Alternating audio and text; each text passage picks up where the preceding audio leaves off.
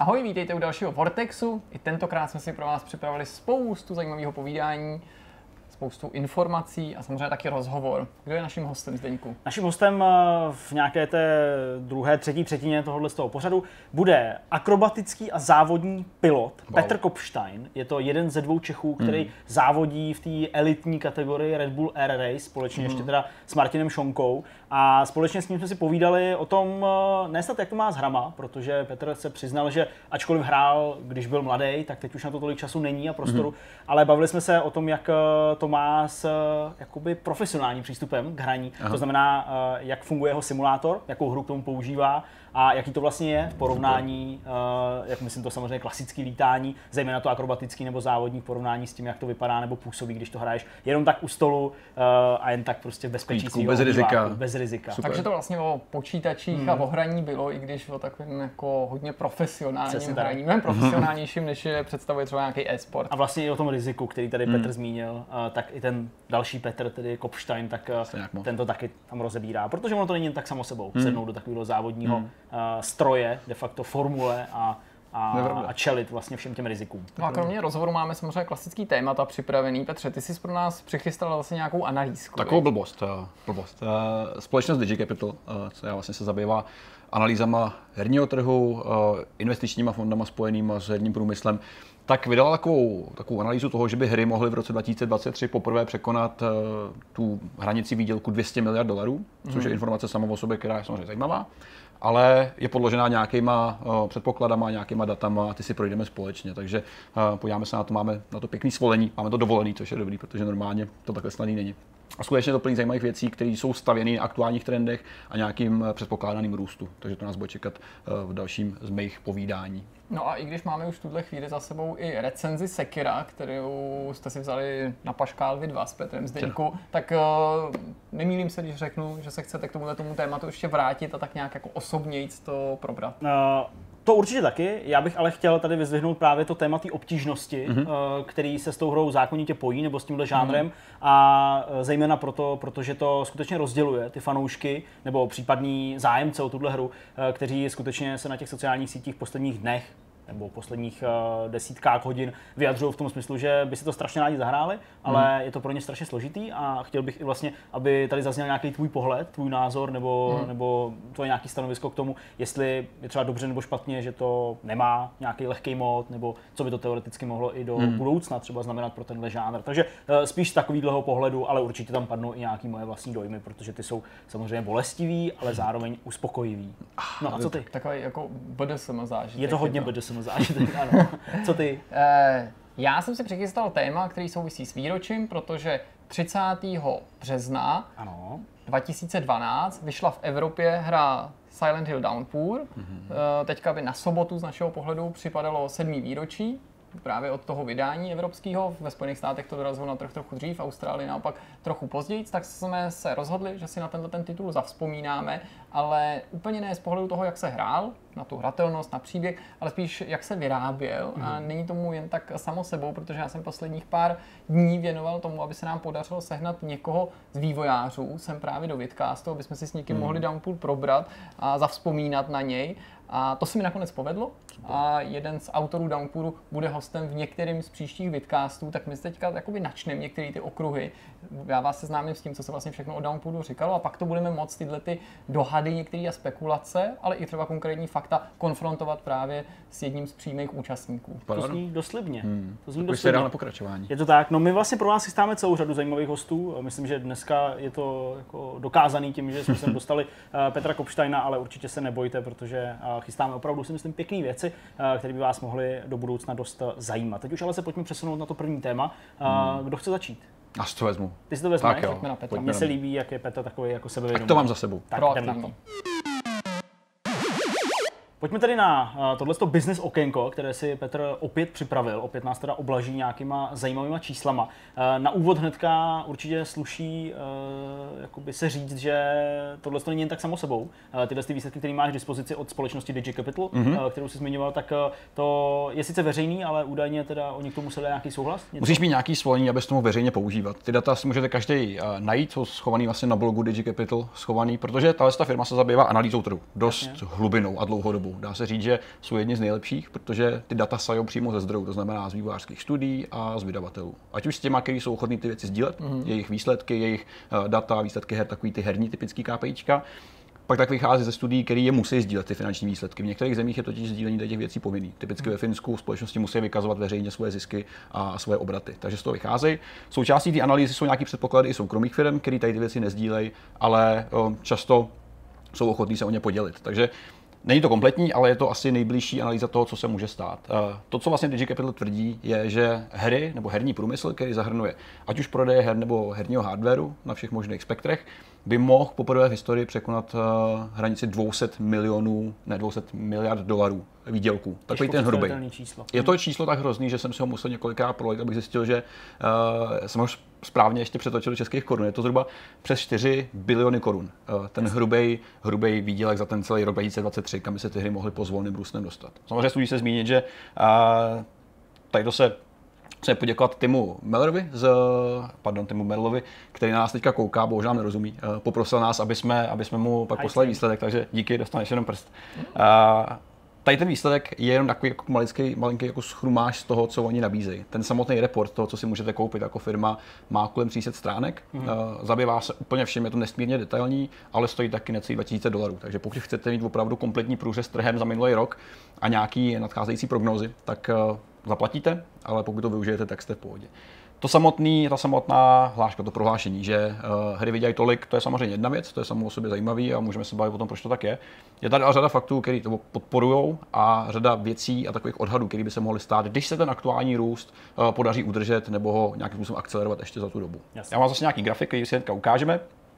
A vlastně přejdeme rovnou k prvnímu, který já tady přidám klukům, abyste grafíky, viděli pojď, pojď a který byste měli, měli vidět taky zhruba touhle dobou. Co ten graf vlastně ukazuje, tak je rok 2023, a na Y ose vidíte nějaký podíl toho, jaký žánry her eh, nebo jaký odvětví by se měly dělit o ten celkový, o to celkový rozdělení. Vidíte, že v té vrchní eh, části je ta největší koule mobile, mobile games, to znamená, že mobilní hry by v roce 2023 měly zaujímat zhruba 40 až 50% celkových výdělků, což hmm. je dost drastický číslo, ale za chvilku si povíme proč. Protože když se podíváte na jednotlivé úspěchy studií, tak se vám chce skoro brečet, protože pak to porovnám sám se sebou a říkám si úplně, nic jsem nedokázal, nejsem vůbec nic. To je taková malá, malá ukázka toho, co by šlo. Vidíte, že samozřejmě v závěsu pak jsou i PC hry a PC hardware. Tyhle specificky jsou rozdělený, protože třeba konkrétně PC hraní se dělí na čtyři části. Je to hardware, jsou to online hry, nebo respektive uh, výdělky z DLCček, z inapů a z podobných věcí, mm-hmm. fyzický prodej a digitální prodej. Problém je, že k těm všem čtyřem věcem se musí přistupovat dost jinak, protože se chovají různě v čase. No, Samozřejmě teďka víme, že uh, fyzický kopie nebo prodej fyzických kopií trošku ustupuje a sílí ten digitální a je potřeba to brát v potaz i v následujících pěti letech, protože součástí analýzy je samozřejmě to, jak se trh vyvíjí na základě aktuální situace a toho, co se plánuje. Zůstaneme u těch mobilních her, které jsou uh, nejpodstatnější, protože proč zrovna si myslí, že by 50% eh, výdělků mělo jít z mobilních her? Je to dost jednoznačný, protože ten růst už je vidět od roku 2011. Už v roce 2011 bylo vidět, že si vlastně mobilní hry prosakují, utrhávají si víc a víc. Zrovna ten rok ještě se spousta takových těch pravých herních vývojářů vysmívala mobilním tvůrcům her, že to nikdy nemůžou dokázat a že je to jenom slepá ulička. Jak se ukázalo, víme, že drtivá většina těch neúspěšnějších mobilních her mnohonásobně převyšuje výdělky konzolových a často i kombinací celých vlastně studií a vydavatelských domů. Takže to je jedna věc. A protože v roce 2018 vlastně celkový revenue, celkový výdělek z mobilních eh, aplikací a her dohromady činil přes 100 miliard dolarů.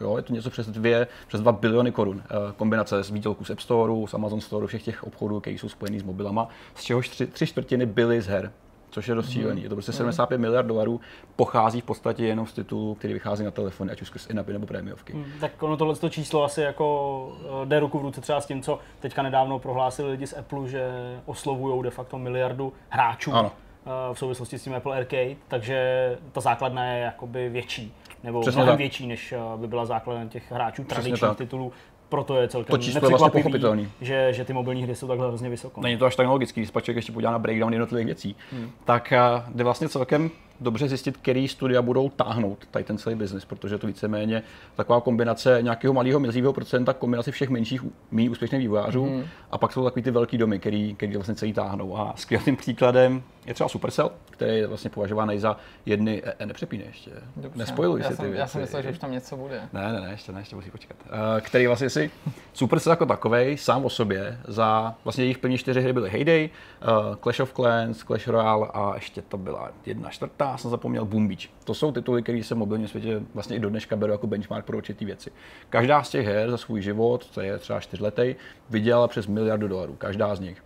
Konkrétně Clash Royale a Clash of Clans vydělali přes 10 miliard dolarů, takže dohromady jenom tady čtyři hry udělali 22 miliard dolarů výdělek který se pak má teda přičíst k tomu celkovému samozřejmě hmm. jakoby nějakému ročnímu obratu za tady ty, tohle období. Jo. Brawl Stars, ačkoliv teda Supercell minulý rok říkal, že vydělal méně peněz, o několik stovek milionů korun, což je teda hrozný, tak Brawl Stars, který vydávali nedávno, tak ty za dva měsíce udělali přes 100 milionů dolarů výdělek. Za dva měsíce. A je to no, mobilní titul. Je to, jsou to drastické čísla, Supercell je jednou, jednou z těch složek v tom všem.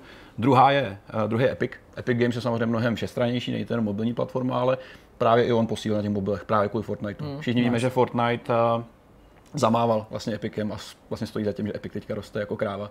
A Epic vlastně za minulý rok 2018 vykázal zisk, je to čistý zisk, co dostali, 3 miliardy dolarů. Oni vydělali. Samozřejmě je tam nějaký podíl z, z engineu, z poplatků, je tam podíl z Epic Store, který samozřejmě ještě není tak výrazný. Drtivou většinu tvoří právě Fortnite a to, to i na mobilech. ty jako Battle Passy nebo to, co se tam Určitě. Jo, prostě. jo, to jsou tak vizuální věci a Battle Passy. Přesně tak. odpověď na otázku, dá se na těch free-to-play věcech vůbec vydělat? ano, ano, dá. Eh, dá se vydělat na tolik, že dokonce stopneš práci na, na novém Unrealu, eh, Unreal turnamentu, stopneš dokonce i, i Infinity Blade, který bylo velmi úspěšný, pokud jde hmm. o tituly.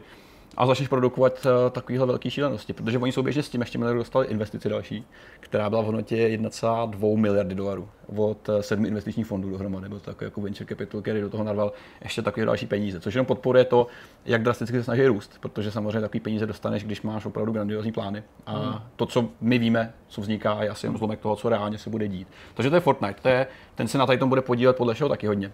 Hodně je zmíněná Čína, protože Čína tvoří mm. ohromný procento vlastně kupujících. Problém je tady zmiňuji specificky v DigiCapital, že eh, Čína je těžko odhadnutelná, protože tam neustále do toho fušou takový ty, ty schvalovací procesy. Takže třeba Tencent a NetEase, což jsou asi největší vydavatelé na azijském trhu, byli na 9 měsíců stopnutý čínskou vládou a museli procházet těma review procesama. Čína přece ve své době, minulý rok, eh, ještě dokonce z roku 2017, eh, zakázala vydávání her, prostě to stopli, úplně to zamrazili na chvíli a trvalo 9 měsíců, než konkrétně Tencent i NetEase dostali tu povolení zpátky. A to jsou přitom ty největší operátoři, jak jsi jo. říkal ty, a to jsou vlastně společnosti, které mají výsadní postavení na tom trhu. Dalo by Jasně. se říct, že mají jako nejlepší kontakty právě s, s, vládou nebo prostě s úřadama, se kterými jako potřebuješ vyjednávat, pokud chceš nový titul mm-hmm. nebo hru uvízt na trh. A dokonce jsou to společnosti, které právě těm západním vývářům, ale i velkým západním vydavatelským domům pomáhají přenášet ty konkrétní ano, tituly nebo minimálně některé značky na ten azijský trh. A že často tak. to není o tom upravit tu hru pro potřeby azijských hráčů, i když samozřejmě to hraje svoji roli taky,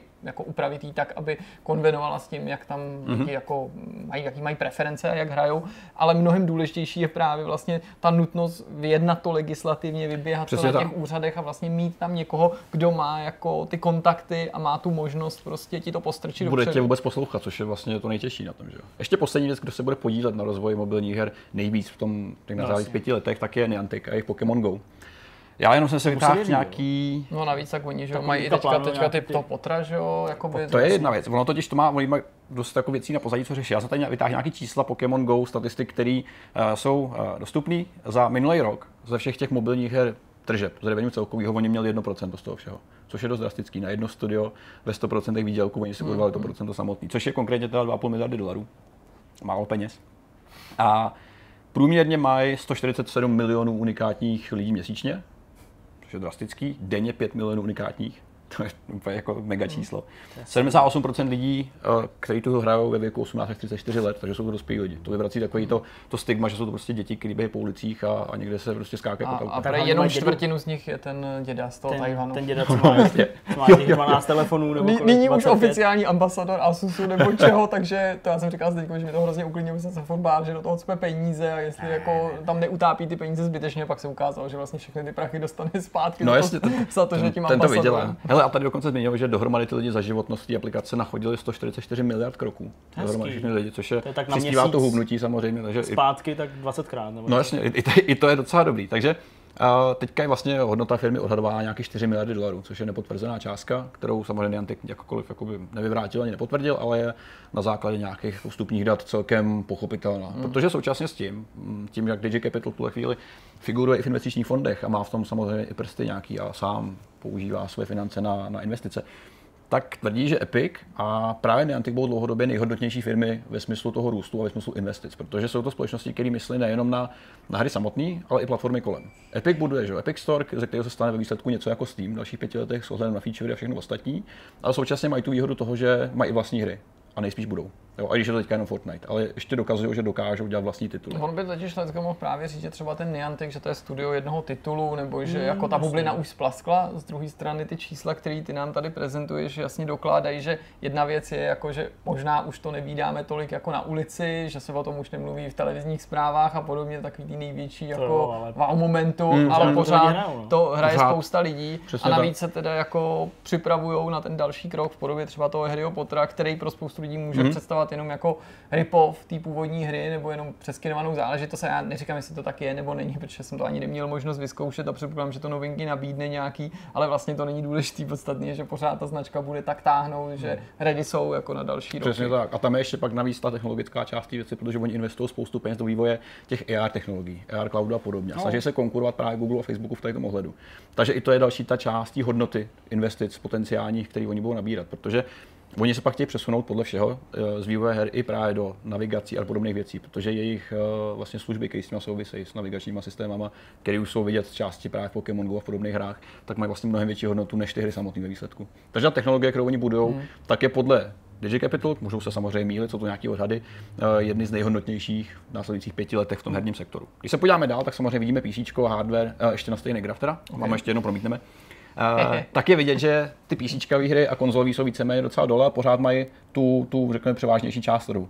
Počítá se s tím, že uh, PC hardware a hry budou v roce 2023 pořád tvořit jednu čtvrtinu celkového revenue ročního. S tím, že PC hry jako takový fyzický vidíme, že jsou tady třeba na té Xové ose z pohledu růstu naopak pozadu, že budou ustupovat. Hmm. Nějaký, to dává kompletní smysl. Jsou, jasně, no. A Pořád jsme tady v tom ještě nezapočítaná Google Stadia, která přijde a kdo ví, jakým způsobem ovlivní celý ten chod. A asi nejen Google Stadia, ale možná i ty další služby. I další služby, přesně tak. Ten shift vlastně ke kompletně jinému hraní. Přesně. To je tady ta věc. Zmínil tady docela dobrou věc, že uh, pokud jde o růst herního hardwareu, tak ten lidi, když ho kupují, tak jsou motivovaní hlavně uh, žánrem jako jsou MMOčka a moby hry že to jsou kompetitivní tituly a obecně se zdá, že pokud si někdo kupuje hardware teďka v nějakém samozřejmě procentuálním vyjádření, tak to dělá právě proto, aby byl kompetitivní. A nenutně proto, protože chce hrát nejnovější v nejlepší grafice, ale skutečně chce mít ten nejlepší hardware, aby prostě byl uh, konkurenceschopný i na té úrovni. Což je docela zajímavý, protože byste čekali, že prodeje hardwareu budou hodně táhnutý právě novýma technologiemi a nějakou náročností. Mm, jako, že si řekneš, blíží se Dům, tak jak se to říkal vždycky o trojce, že nebo half tak potřebuji jako no, nový hardware, ale že možná to pravidelně nakopává, tedy jako ta nutnost těchto těch jako lidí, kteří chtějí hrát na nějaký úrovni. Přesně tak. Ty konzole jsou pořád taky, ty vidíte, že jsou trošku tady v pozadí, ta zelená kulička dole, eh, kde budou teda silnější hlavně ty digitální tituly podle všeho. A nejen digitální prodej, ale i veškerý inapy, veškerý dodateční nákupy, který můžeš vlastně v rámci, v rámci toho dělat. Zmínil toho, že konzole vlastně uh, dlouhodobě nějak nerostou zásadně, pokud jde o nějaký jakoby, růsty zisku z pohledu hardwareu, protože tak ten cyklus je omezený. Víme, že většinou jako začíná a končí v, v dost podobných eh, cyklech Jasně. a blíží se nějakým jakoby, stejným limitám, které jsou vlastně dost, dost jakoby, předpovídatelné. Switch na trhu, že o dva roky a ty ostatní mnohem díl, tak to je možná důvod, proč to není jako ta tendence pozitivní v smyslu, že to Přesně roste. tak, ano. Tady je každopádně zajímavý, je úplně vpravo, že to znamená tedy uh, ta kulička VR Games, ta mm-hmm. oranžová, která vlastně teda ukazuje, že ten růst je nejvyšší, 45%. Ano, ano. A vlastně i to, jakou část toho trhu zaujímá, je strašně zajímavý, protože teď to určitě takhle není. Ano. Uh, teď určitě jsme opravdu ten růst bude třeba někde jako v té první části. dozadu, ale mě tam právě spíš než to, jak to roste, zaujímá to, jak velký to je, jak mm-hmm. jako, že je to vlastně významnější, než tady koukám PC, eh, PC hry. Je to, je to Digitální prodej, prodej PC her, digital sales, jo, ano, jo. může tak být, protože oni zmínili, že skutečně, oni se teda specializují, Digi, DigiCapital se specializuje na AR a VR věci, ještě pokud o nějaké analýzy. A Oni zmínili, že samozřejmě ten, ten podíl toho trhu bude pořád malý, vzhledem na, na limitace, který ta technologie má, ale ten růst meziroční bude prostě mnohem znatelnější. A hmm. tím pádem je samozřejmě to věc, která je pořád těžká pro velký vývojáře, velký domy.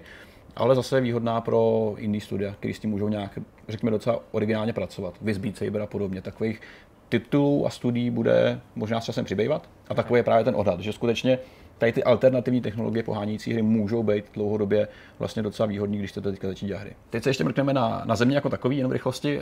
Tady na tom grafu vidíte hmm. momentálně, eh, který země budou asi nejvíc zastoupený v těch celkových výdělcích. A nahoře samozřejmě USA a Čína. Je to vlastně něco, co už je podporovaný teďka nějakým růstem. Japonsko, Jižní Korea a obecně azijský trhy by údajně měly mít třeba v roce 2023 až polovinu v tom podílu celkovém, co vydělají hry a herní hardware. Ale už tolik nerostou, což je jasný, protože jsou to z pohledu jako rozvinutí, Přesně ty trhy, které jsou už etablovaný, který prostě víme, jak fungují a není tam takový potenciál toho růstu. Zatímco přesně vy tady ukazujete na Rusko, ale hlavně na tu Indii, mm-hmm kde je teda vidět, že je největší potenciál pro ten tak. růst a že se předpokládá, že tam prostě bude teda jako točit v tom herním průmyslu více a víc peněz. Přesně tak, bude se to postupně zvětšovat. Možný, že třeba za 10 let, když budeme mít další graf, tak to koule bude ještě větší a bude někde vejš. Momentálně nemám bohužel podklady toho, proč je tady to zrovna daný, proč by to měla být ta Indie a z jakého důvodu. Hmm ale skutečně je zajímavý, jak se, jak se ty země můžou rozvíjet. Protože podobná věc s těma žánrama, stejně jako s tím VR, je to vlastně žánr, který začíná a který se ještě může rozrůstat, protože ještě není nasycený. Stejně jako v podobě těch zemí, kde USA a Čína už jsou nějakým způsobem vlastně, vlastně daný uh, kulturně, politicky a všelijak, tak tady ty země ještě pořád můžou růst právě z pohledu nedostatku technologií, se tam teďka dostávají a podobně. Takže to je nějaký geografický rozdělení. Teďka se mrkneme ještě na jeden graf, uh, což je tady ta heatmapa, uh, kterou teďka vidíte vy tak je to vlastně rozdělení nějaký vizuální podílu uh, vydavatelů a studií na trhu, jak si mm. rozdělejí ty, ty příjmy. To znamená, vidíte v levém hodním rohu, že Sony, uh, bavíme se čistě o hrách, si uzme největší procento podílu z výdělku v roce 2023. Předpokládaně je to možný samozřejmě. To se ale strašně těžko odhaduje, protože do toho vstoupí ta nová generace. Přesně Zároveň ty nové akvizice třeba Microsoftu nebo obecně first party studia. Já mám třeba pocit, že to mnohem víc reflektuje aktuální stav, nebo možná je to pozitivnější mm-hmm. ve smyslu pro Microsoft, než aktuální stav je, ale mm, jenom hádám, ale jako přijde mi, mm. že je velmi jako obtížný říct, jestli v té další konzolové generaci to no, prostě se ty rovnováha úplně neobrátí a najednou Microsoft Microsoft díky všem těm studiím, který získal v poslední době, nebude vydávat a pravděpodobně díky tomu teda i vydělávat mnohem víc na těch first Přesně tak, to se všechno může stát. Tady to vychází z nějakých aktuálních věcí, které jsou známé, které známe buď to my veřejně, nebo je zná uh, DigiCapital z nějakého blízkého zdroje. Mm-hmm. Ale samozřejmě vstupuje tam spousta vlivů, o kterých my nevíme, který se můžou stát. Může to být přesně nějaká akvizice, může to být nějaký titul, který je utahovaný, uh, utahovaný, utajovaný, pardon. A utahovaný taky možná. A může to být i takový ty jako přírodní katastrofy. Přijde ta iPhone, zničí ti firmu a najednou se propadneš úplně níž. Jo, že... v tomhle grafu třeba hraje ten GameStop, že tady jsou vydavatelé, případně mm-hmm. majitele nějakých platform, nebo firmy, které ovládají nějakou platformu a mezi tím je tady GameStop, což je teda řetězec prodejce. Jsou to všechny firmy, které generují nějaký zisk z her, ať už jejich eh, vývoje, prodávání, nebo nějakého dalšího způsobu Čili manipulace. tohle není jako, jako vyrábím nějakou hru, vydávám nějakou hru a takhle jsem si rozdělil zisky, ale prostě obecně ve hrách nebo v obchodu s hrama se točí nějaký peníze Přesně a tyhle ty firmy si teda ty si to mají nějaký podíl na něj si sáhnou. Herní jako Přesně branže. tak a, a, a výdělky z ní. Ano, ano. Z jakýhokoliv Dá se to vlastně vyjádřit tím směrem, že já budu jako GameStop prodávat, uh, GameSpot, pardon, ne GameStop, GameStop. Uh, prodávat uh, hry od Sony, z nich mám nějakou marži, takže se samozřejmě postupně protloukám až sem. Mm-hmm. Dá se to taky takhle vyjádřit jo, jo. samozřejmě, tím, že já prodávám. Ale to největší řetězec prostě z hrama v Americe. Ano, je, je v tomhle tom smyslu ten graf nějak jako ještě překvapivý, nebo nabízí nám tady jako nějakou informaci, kterou ne, ne, ne říkám, že bychom ji věděli, ale spíš mm. jako něco, co nás překvapí. Jsou tady teda ten Tencent a NetEase, což si dokážu představit. Mě že, že Konami většině než Take-Two. Že může být v těch prodejích. Nebo že může teda být No to je docela zvláštní, protože kdybychom se teďka dívali na to, co vydávají, tak, tak oni mají jakoby... za sebou pár opravdu těžkých hmm, let, kdy vydali vlastně. pro Evo něco menšího a podobně, že jo, Metal Gear je prostě pozor. Možná to trochu ale fakt může souviset s těma nějakýma zákulisníma informacemi, které třeba Digital Capital můžou mít. No. Pro nás je Konami jenom vlastně na úrovni trhu konzolovek a PC her, ale oni mají že spoustu ještě výdělku bokem z mobilu. Takže to je, to je pravda. No. Je potřeba samozřejmě vzít ještě každý ten čtverec zvlášť a rozebrat ho úplně na detaily, protože i kdyby třeba prodávali, já nevím, figurky, tak to je samozřejmě počítá do toho všeho. Že skutečně i z merchandise oni můžou generovat tolik peněz, že se, že se dají daj vetří. No, Ten samotný jako podíl... třeba jako velmi malý na to, jak se mluví o tom, jak hmm. teďka jako leze nahoru. Jasně. Taky nemá jenom videohry jako Přesně ve smyslu tak. videoher, ale taky má spoustu těch jako vedlejších uh, To je pravda. No. V tomhle tom samozřejmě grafu je to nějaký čtverec, reálně to může být třeba stovky miliard dolarů klidně. Hmm. Jo, jakože my se bavíme o tom, že to je malý čtverec, ale ten může znamenat samozřejmě i velké věci. Takže to je jedna no, z těch věcí, která. Tam jde spíš o to porovnání s těmi ostatními, jo, jako společnostmi teď, jak se vlastně ano, před, ano. předpovídá. Capcom zaujímá že místa nejlépe hodnocených uh, vydavatelů a vývojářů her, takže prostě je to takový trochu zvláštní, ale ale ten výhled do těch a to, čtyř let dopředu může být takový. Tohle jsou všechno studia, které jsou víceméně uh, dost zajištěný. Já jsem se třeba setkal s lidmi, kteří dělají Gangho, což je jaký korejská firma, která dělá spoustu mobilních her. Tam v podstatě jeden z těch lidí říkal, že aby zkrachovali, tak by se musel někdo fakt snažit to zničit. A i tak by to asi nedal, protože už mají zainvestováno v tolika různých věcech, mm-hmm. že už je to kolotoč, který prostě generuje peníze. Jasně. A bylo by extrémně těžké ho potopit, kdyby si fakt chtěl jako ho sabotovat. Já bych, si bavíme... koupil, já bych si koupil 17 dopravních letadel a to bych a lítal by si všema současně. To no, bych si, ne, ještě bych si najal ty piloty, aby s tím mohli lítat. Všechny by byly 7878 Max, Maxky, nebo jak se to 7, 7 Max. ještě, no vlastně ještě ten neopravený, ale neopečovaný. Uh, pokud jde o, o to samotné rozdělení třeba mobilního trhu v tom, v segmentu, tak dělá většina výdělků je vtipně nazvaná jako nezávislýma studiama, pochází od nich. Jenže nezávislýma studiama se myslí právě Supercell a podobný kteří jsou nezávislí, jsou to vydavatelé sami o sobě mm. a nezávislí jsou finančně, protože skutečně generují takový zisky, že, že můžou tím trhem zamávat úplně extrémním způsobem. A stejně jako vlastně mobilní, taky velký konzolový trh je daný hitama, že? takže se může být prostě jeden titul, který dokáže ovlivnit celou, řekněme třeba celých pět let uh, nějakého vývoje her a žánru a toho průmyslu. Takže skutečně otázka, otázka, co se stane v následujících pěti letech, Nicméně tady to všechno staví na nějakých aktuálních trendech a progresech a je to dělaný lidma, který eh, mají přístup k těm datům opravdu zdrojovým a, a hrubým a dokážou je dobře zpracovávat. Takže samozřejmě se ukáže za pět let, co můžeme tady zase sejít a pobavit se, jestli se to naplnilo. Je pravda, už, už, už se blížíme. A je to fakt jako pěkná analýza, která je bohužel fakt jenom dost povrchová. A kdybychom chtěli zahloubat níž, tak musíme hodně platit a hodně studovat. Přesně. Ale je to, je to fascinující, co se všechno dá udělat a vyčíst na základě dat. Takže okay. až budete v roce 2023 a koupíte si hru, tak se můžete plácat po zádech, že jste přispěli růstu herního uh, biznisu a trhu dost radikálně, s trochou štěstí.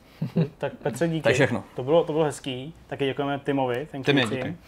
A a to je fajn, to je fakt jako dobrý. Pěkný. No. Já, já, mám rád takovýhle výhledy, protože uh, aspoň tak hezky před, předchroustaný od tebe. Přesně, a je super být součástí něčeho takhle bohatého a rostoucího a být současně taková no, ta jako chudá myš, která nemá peníze. Ne, ale tak jako je to hezký zase vědět, že se tomu té zábavě, i kdyby to nebyla třeba částečně práce Jasně. naše, ale i kdyby to byla jenom hmm. zábava, takže se jí daří, daří že se nebavíme třeba o tom, že je to v nějakém úpadku, v nějaký krizi, že třeba se nedostává těm vývářům a vydavatelům peněz, že se v tom točí každý rok míň a míň peněz. Hmm. My jsme si zvykli tohle vnímat vlastně do určité míry jako samozřejmost, to, že se zveřejní výsledky a zjistíme zase, že prostě se vytočí v tom v těch hrách víc peněz než hmm. ve hmm. filmu, v televizi. A je to samozřejmě super to slyšet, ale musíme si říct, že je to jako víc než super, no, protože to, že jsme si zvykli to v posledních letech slýchat, neznamená, že to tak musí být vždycky. Mm. Že? Co třeba že v 80. letech pak, jak s tou scénou zahýbal ten pověstný videoherní krach, který jo, jako jo. po tom strmým růstu následoval stejně strmý pád a taky ho nikdo jako nepředvídal nebo nepředpokládal, mm. že by tohleto skvělý zdraví jako oddělení mohlo mít nějaký problémy. Všechno se může stát a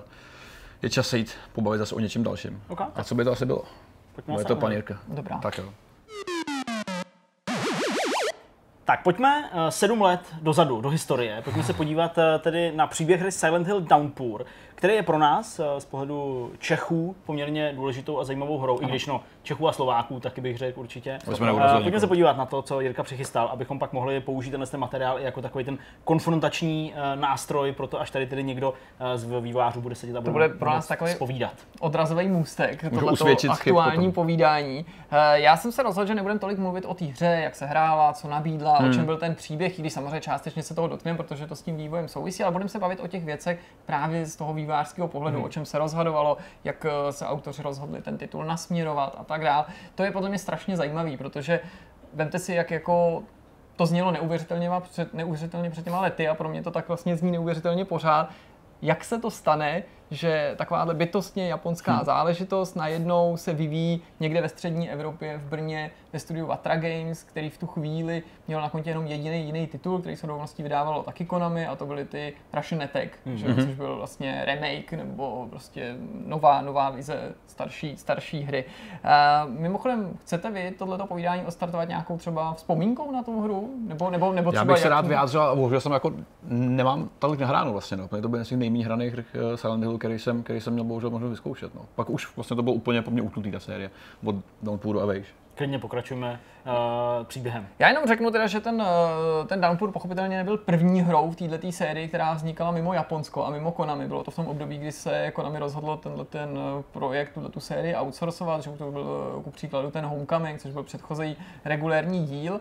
Ale já mám pocit, že ten Downpour dopad mnohem líp mm-hmm. než Homecoming a proto mm-hmm. mě překvapuje, že se vlastně stal takovou jako um, na dlouhou dobu prostě s finální stanicí pro tuhle tu ságu. To je zvláštní. A, hmm. a do určitý míry její labutí písní a nemá asi smysl připomínat ty události okolo Kojimy. Hra teda vyšla v březnu 2012, prvně ve Spojených státech, to bylo už někdy 13. března, u nás pak 30 posléze v dalších měsících na dalších trzích ve verzích pro PlayStation 3 a Xbox 360. To je mm-hmm. důležitý, protože k tomu se ještě vrátíme, protože se opakovaně spekulovalo o tom, jestli ta hra neměla náhodou být i na PC, nebo proč na PC nevyšla. Mm-hmm. Od začátku autoři nebo v rámci té marketingové kampaně slibovali, a to se potvrdilo, že ta hra bude mnohem otevřenější než ty předchozí díly, nabídne větší mapu, skutečně jako volnost pohybu po tom Silent Hillu. Můžete namítnout, že už od začátku jsme Jasně. měli možnost se v Silent Hillu pohybovat v těch předchozích tak, dílech, ale tady skutečně to dávalo smysl, byly tam nějaký ty zkratky, možnost jako fast travelování mm-hmm. přes nějaký jako systém podzemky a například vedlejší questy, taky věc, která není úplně běžná jako v survival hororech, to znamená možnost splnit si něco navíc nebo se tomu vyhnout a pokračovat po té hlavní příběhové mm-hmm. lince. Pochopitelně, tak jako v sérii Silent Hill zvykem, i tady existovaly e, různý konce, který se vybírali na základě toho tvýho počínání v průběhu té hry. A tady to bylo navázané ještě na morální volby, takže kromě toho, že ty hmm. volby ovlivnily ten konec, tak formovali ten tvůj charakter, morálku té postavy, k ní se dostaneme, ta je samozřejmě velmi jako důležitá a signifikantní pro tenhle díl, velice hmm. speciální. No a jednou z dalších takových prvků nebo zvláštních, která nebyla úplně přítomná ve všech těch dílech, byla, uh, bylo ničení těch zbraní, které ne vždycky v Silent Hillu bylo k dispozici. Já jsem nakous toho hlavního hrdinu, protagonistu té série. Tím byl trestanec Murphy Pendleton, Pendleton, což je postava, která byla už od počátku poměrně kontroverzní a dostaneme se k tomu, i samotní vývojáři zpočátku nebyli úplně nadšený z toho, že by hlavním hrdinou, údajně podle informací, které mě se podařilo získat na nějakých Wikipediích a ze starších rozhovorů, nebyli prostě nadšení touhletou vizí, ti samotní autoři, kteří tu hru měli mhm. zpracovat na základě nějakých pokynů od producentů, takže by tím hrdinou té jejich hry měl být někdo takhle kontroverzní. Prostě mm-hmm. postava vězně, který mhm. je víceméně na útěku, který prostě prchá obecně člověk, který prostě něco spáchal, i mm. to byla postava, která byla propuštěná z vězení. Hru pohánil Unreal Engine 3, jak, říkám, jak jsme tady zmínili, vznikla v brněnském studiu Vatra Games a právě ten předchozí titul, který měli na kontě, to byl Russian Attack Expatriot, byl, byl podtitul této hry. Hra byla představená, ano. co by Silent Hill 8 na E3 v roce 2010 a od začátku, a to mi přišlo extrémně zajímavé, se spekulovala o tom, že to bude first person záležitost. Takže hmm. už před Kojimovým, eh, Kojimovým Silent Hills, před tou jeho vizí, tady vlastně byly tyhle ty náznaky, že by to mohlo být first person. Mm-hmm. Nebylo by to taky poprvé. Žádný z těch předchozích dílů nebyl z těch regulérních čistý first person, ale třeba ve čtyřce byly first person pasáže z toho mm-hmm. bytu. Ano, ano. A pak tady máme třeba automatový počin Silent Hill The Arcade, to je on-rail střílečka, která pochopitelně first person kamera jí je bytostně vlastní. Mm-hmm. Autoři se taky rozhodli, že ten příběh Downpouru bude stát sám o sobě. Eh, to je samozřejmě důležitý rozhodnutí, protože v rámci série Silent Hill tu máme hry, které se snaží víc pracovat s tou mytologií, mm-hmm. s tou jako vše, zastrušují, vše zastřešující, lore, rozvíjetý, nebo se o ní nějak opírají. A pak hry právě jako je Downpour, který používají samozřejmě ten Silent Hill jako takový, jako určitou rekvizitu, to se nemění, to mm-hmm. schéma, to proměňování toho světa, ale chtěli, aby ta hra prostě stála sama o sobě a Jasně. aby nebyla tolik navázaná na ty předchozí události, nerozvíjelo se tam třeba téma tolik toho kultu, díky čemuž byl samozřejmě tenhle ten díl mnohem přístupnější pro nováčky nebo pro lidi, mm-hmm. kteří třeba mhm. viděli, dejme tomu, jenom ty dva, dvě filmové adaptace. Uh, další zajímavostí je, pardon, já jsem si to tady teďka odstřelil, pardon, mm. ta volba toho té postavy, co by toho kriminálníka, no, jak, jsem, jak jsem to už na, ta kontroverze s tím, s tím teda spojená. A ta kontroverze. Eh, záměrem vlastně jakoby producentů, nebo možná i přímo Konami bylo, že to bude nějakým způsobem překvapivý že to nebude další postava, a to je pro Silent Hill teda to je pravda, typický, kterou už vlastně auto, eh, teda hráči dopředu znají, ačkoliv mm-hmm. s ní ještě nejsou jako obeznámení, jakože vstoupíš do té hry a vlastně už víš, co to bude za postavu, protože v té sérii se opakovaně setkával s hlavníma hrdinama, který se jako tváří, že je to nějaký normální člověk nejasný, no. v nouzi, mm a pak se zjistí, že má za sebou nějaký znepokojivý tajemství nebo nějakou temnou minulost a to je to, čemu se chtěli vyhnout. Mm-hmm. Tato ta postava měla být pro nás skutečně velkou neznámou a ten indiferentní vztah k ní, k ní měl být samozřejmě signifikantní, že bude, byl ten člověk skutečně zlej, nebo, nebo není zlej, jo, prostě, mm, že budeme si muset jako udělat ten, ten, ten názor až časem, jo, což ale na druhé straně znamenalo právě to, co jsem jako zmiňoval, že vývojáři samotní nebyli z tohohle toho moc nadšený, z této vize, jo, a i když to budili ty otázky typu, proč byl v tom vězení, proč se vlastně dostane do toho Silent Hillu, je v tom Silent no, Hillu náhodou, nebo to zase s nějakým způsobem souvisí s jeho minulostí, tak to očividně a budu moc rád, až se dovíme ty podrobnosti, mělo působit nějaký pnutí i v rámci toho týmu, ale možná to jenom třeba jako fanoušci příliš nafoukli s postupem těch let. Ale údajně, když probíhaly pak fokus testy první, kdy vlastně byli s tou hrou konfrontovaní potenciální zákazníci, tak i ty to velmi rozdělilo a měli hodně smíšený reakce na to, že mají hrát za vězni. Prostě jednoduše některým lidem ta představa nebyla jako pochutí, že je to jako zlej člověk. I když hrajeme ve hrách občas za zlý lidi, nebo se dovíme, že ten člověk, ten náš hrdina je třeba teďka polepšený a že v no, minulosti no, spáchal něco zlýho, nebo hrajeme za kriminálníky, dejme tomu v nějakých sandboxech a městských mm-hmm. akcí, tak lidi prostě nechtěli, aby to bylo takhle viditelné, že to je člověk, který prostě je teďka na útěku, že byl ve vězení, my ten, ten začátek, ten prolog je z toho vězení, že jsme někam no, převážený, jasně. že to je prostě jako daná věc. Je zajímavý, že Way Out uh, v lidech tohle to nevyvolával, přitom tam jako taky si vlastně no, nevěděl, nebo nevíš celou hru, co se vlastně teda stalo a, a, a jestli teda jsou to jako hajzlové, no. který jenom vypadají dobře a, a utíkají, nebo... Přesně tak, no. Takže to je tady je to ještě akcentovaný v rámci toho světa Silent Hillu, který je mnohem temnější a mnohem no jako tam vlastně sedí ta postava toho vězně mnohem víc než právě třeba do Way když se to samozřejmě týká vězení. Víš, jako, že tady je to mnohem s nás jako snesitelný v kontrastu těch událostí, které hmm. se ve Silent Hillu řeší. Takže to možná to částečně souvisí s tím, že si měl pocit, nebo možná někteří hráči mohli mít pocit, že v těch předchozích dílech, i když tam se zmiňuje ta temná minulost mm. a hmm. nějaký překvapení, nějaký tajemství, co se těch postav týče, že měli pocit, trošku. že ten člověk jako je nějakým jako někoho někým, koho musíš chránit, kdo mm, je prostě se ocit v nouzi, v nesnázích, nemůže za to jasně. a ty ho musíš jako tváří hmm. tvář tomu nebezpečí vytáhnout z té šlamastiky, zatímco tady možná někdo měl pocit, že tomu člověku třeba pomáhat nechce, ale hmm. jsou to prostě trošku jako časem zavátý vzpomínky, no, že jo, tohle uvidíme, jsou události starší než sedm let, když se to připravovalo. Hrozně důležitý téma je téma vody v té hře. Mm-hmm. Tím je Downpour typický, už ten podtitul Downpour, který odkazuje na ten liák, to je něco, co se v té hře opakovaně promítá. Mně to přijde strašně zajímavý, protože mi přijde, že voda nebo déšť není něco, co by se ve hrách obecně, ale ani v těch hororových opakovalo tak často, jak by vlastně mohlo. Protože hmm. ve filmových hororech se to téma té vody využívá častěji.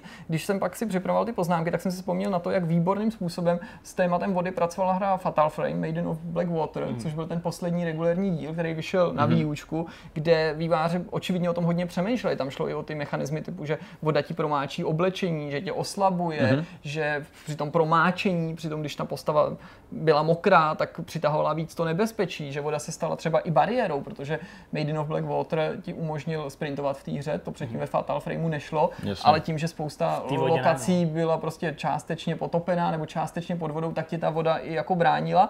Tady to není využitý stejným způsobem, ale údajně podle vzpomínek které autorů eh, je lákalo to, že ta voda představuje určitou temnotu nebo ten déšť, něco, co mm. přichází s tou bouří. A mm. mně vlastně přijde zábavný, že ten déšť můžeme vnímat strašně rozličným způsobem, mm. že déšť může představovat i naději, že jo, z pohledu jako ne, nejen ze světa her, ale pohledu... Jako farmář zaprší a já jsem spokojený. Že? Ale jo, jako i když no, to může znít hloupě, jo, že, ta, že ta voda je jakoby očistná, ta voda prostě dává život, mm. voda je prostě něco, co potřebujeme v survival hrách, aby, aby jsme přežili a tady ta voda symbolizuje prostě nebezpečí, tady symbolizuje tu temnotu a to do té míry, že když začne v té hře pršet víc, tak ty víš, že to nebezpečí se blíží, což to je, je opravdu dobrý element, to další dobrý nápad, že když se tam začne jako víc pršet, dostane se do oblasti, kde víc prší, tak to vlastně upozorňuje na to, že se něco blíží, nějaký souboj, nějaký nepřítel, nějaký mm-hmm. nebezpečí. To mi přijde jako velmi chytrý. To je dobrý.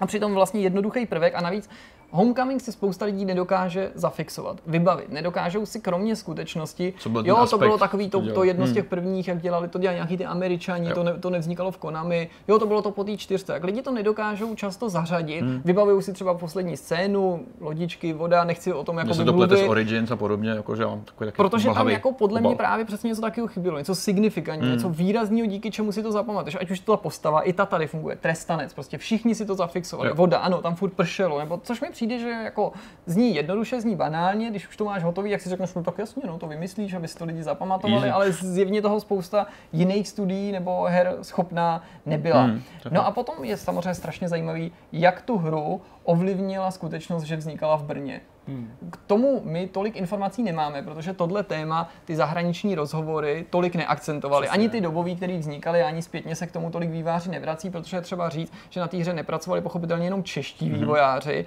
ale že tam byla v těch výkonných pozicích a v roli producenta a hlavních designerů i spousta jako zahraničních profesionálů a ty taky nejčastěji mi přišlo dávali ty rozhovory nebo mluvili Jasně, za ten tým. Tam úplně jako by se neodráželo prostě to, co nás zajímá z toho lokálního mm-hmm. pohledu. Přesně Přesně, a tudíž by se mohla i nabízet, že když děláš na takovýhle značce pro japonského vydavatele tady ti na tom pracují i američani, na dálku to řídí nějaký Japonci, že vlastně ta národní linka bude potlačená nebo hmm, něco to, co... Ale přitom to tak úplně není a oni skutečně říkali, a právě i ty cizinci, kteří jako ve Vatra Games pracovali, že ta historie a atmosféra Brna přímo ovlivnila tu hru, ale není potřeba si to představit do důsledku, že tam jdu a najdu tam něco z Brna, že no, to není takhle jako na první dobrou, ale oni například řekli, a to mně se líbilo, že kdyby dělali tu stejnou hru se stejným zadáním, ale dělali ji v nějaký jako tropický lokaci a na obědy chodili někam na pláž, tak by ta hra nebyla prostě stejná. Čemu mm-hmm. dokážu věřit, i když je to takový jako co by kdyby, no, že to, to, to prostředí toho Brna je ovlivňovalo, i když zpracovávali prostě fiktivní americký městečko v rámci japonské série. A mně to jako celkem dává smysl. Jo. Ale jsou tady i konkrétní věci, které jako ovlivnily podobu té hry, nebo to přineslo nějaký nápady do té hry a to mi přišlo taky super, že ku příkladu propast Macocha, inspirovala úroveň Devil's Pit, která se objevuje v té hře. Mm-hmm. A teď zase nemusí jít nutně o to, jak to vypadá, ale že to samo místo přineslo nějakou inspiraci pro příběh té hry, pro to vyprávění, pro to, co se tam stane. Další důležitý aspekt představuje hudba, hudební hmm. doprovod a soundtrack obecně. Akira Yamaoka už na tomto dílu nepracoval. Soundtrack měl na svědomí skladatel Daniel Licht, který má takové německý jméno, ale je to teda Američan, poměrně dost známý. Mimochodem zemřel před pár lety, mm-hmm. má pocit na nějakou, nějakou nemoc. A jenom tomu soundtracku se věnuje spousta článků, která se snažil právě přiblížit původní hudbě a Maoky, ale nechtěli jenom vykrádat, chtěl do toho přinést něco nového, jak se třeba rozhodl v té, nebo chtěl eh, v, tý, v tom soundtracku akcentovat taky to téma vody, ale vyhnout se přitom nějakému lacinému hmm. užití nástrojů, který jsou na vodě založený, nebo který nějakým způsobem vodu jako připomínají, připomínají no, což navozují ten pocit. Jasně, je pravda a ta hudba tam fungovala moc to je pěkně. Často piano, takový ty jako jednotlivý tóny, že jo, jako hmm. kapající voda, tak jo, tomu rozumím, no jasně. No. no a s hudbou souvisí další skutečnost, že se rozhodlo tehdy Konami eh, licencovat uh, hudbu vlastně jako od známý kapely, mm-hmm. protože ten main team je od Kornu. Wow to je, myslím, numetalová skupina. Nebo je to, já, je to numetal někdy z roku 2000, že Bakersfield a tady ty. A to teda jako vůbec se tím eh, fanouškům nezavděčila. Určitě to pomohlo nějaký jako propagaci toho titulu, jeho zviditelnění, mohl to použít prostě jako v trailerech a tak, mluvilo se o tom, všechno mm-hmm. v mhm. pohodě ale vznikla dokonce i petice, která požadovala, aby ta skladba byla z té hry odstraněná, jakkoliv jde opravdu o main team, takže to je něco, co ano, vlastně spojí se to s tou hrou, ale není to něco, co posloucháš jako v průběhu toho hmm. hraní. Jo, samozřejmě je to, je, má, můžeš to mít, já teďka nevím, jestli to tak přesně bylo, můžeš to mít v menu, můžeš to mít v titulcích, možná to tam zazní někde z rádia, ale hudba, která tě provází tou hrou, nejsou, že okor, není to no, ta záležitost. Zajímavý mi taky nesmírně přišlo, třeba z těch jako drobností a střípků, že fanoušci po dobu vývoje byli zapojení do té do, do tý práce velice jednoduchým způsobem, že měli možnost navrhnout trojici soch, který pak výváři skutečně vymodelovali a umístili je na hřbitov v té hře. Což pěkný, jako fakt docela pěkný. pěkný. Uh, docela bizarní zajímavostí je, že se všechny dveře uh, v Downpouru otvírají na obě strany. Což jako je vlastně docela zvláštní, docela by měla jako zeptat se vývářů, proč je to hodně jako, usnadnění.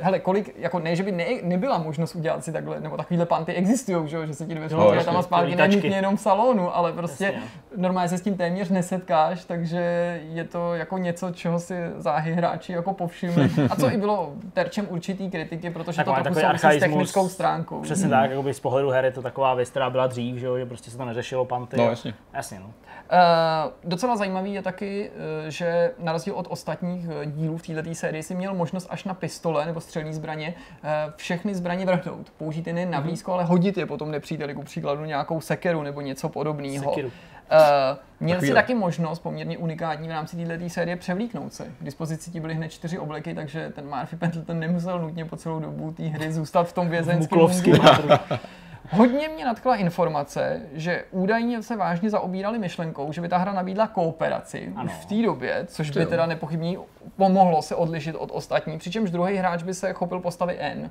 Mm-hmm. Podrobnosti v té neznáme. Ta v té hře vystupuje. Mm-hmm.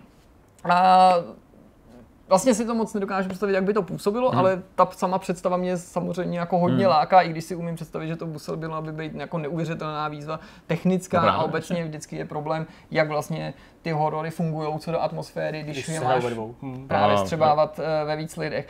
Jako v jednom z mála dílů, ne vůbec jediným do té doby, v tomto dílu Downpouru není žádná nemocnice, wow. i když je tady podobná budova, která, která nemocnici může připomínat. Obecně těch easter eggů a narážek na hmm. předchozí díly nebo jiný díly, těch je tam strašně moc, jo, prostě jménem hmm. nejčastěji se k tomu odvolávají, ale číslem, taky půdorysem nebo podobou některých no, těch místností například. A jak už jsem říkal na začátku, Hodně se spekulovalo o té PC verzi mm. a o té PC verzi se opakovaně mluvilo i dávno po vydání té hry, například když se dostala do programu zpětný compatibility už před několika lety a ta 360 verze začala fungovat na Xbox One a obecně se má za to, že ta PC verze skutečně jako existovala nebo byla rozpracovaná a měla být uh, pár měsíců poté, přibližně někdy v listopadu, prostě na podzim téhož mm-hmm. roku, toho roku 2012.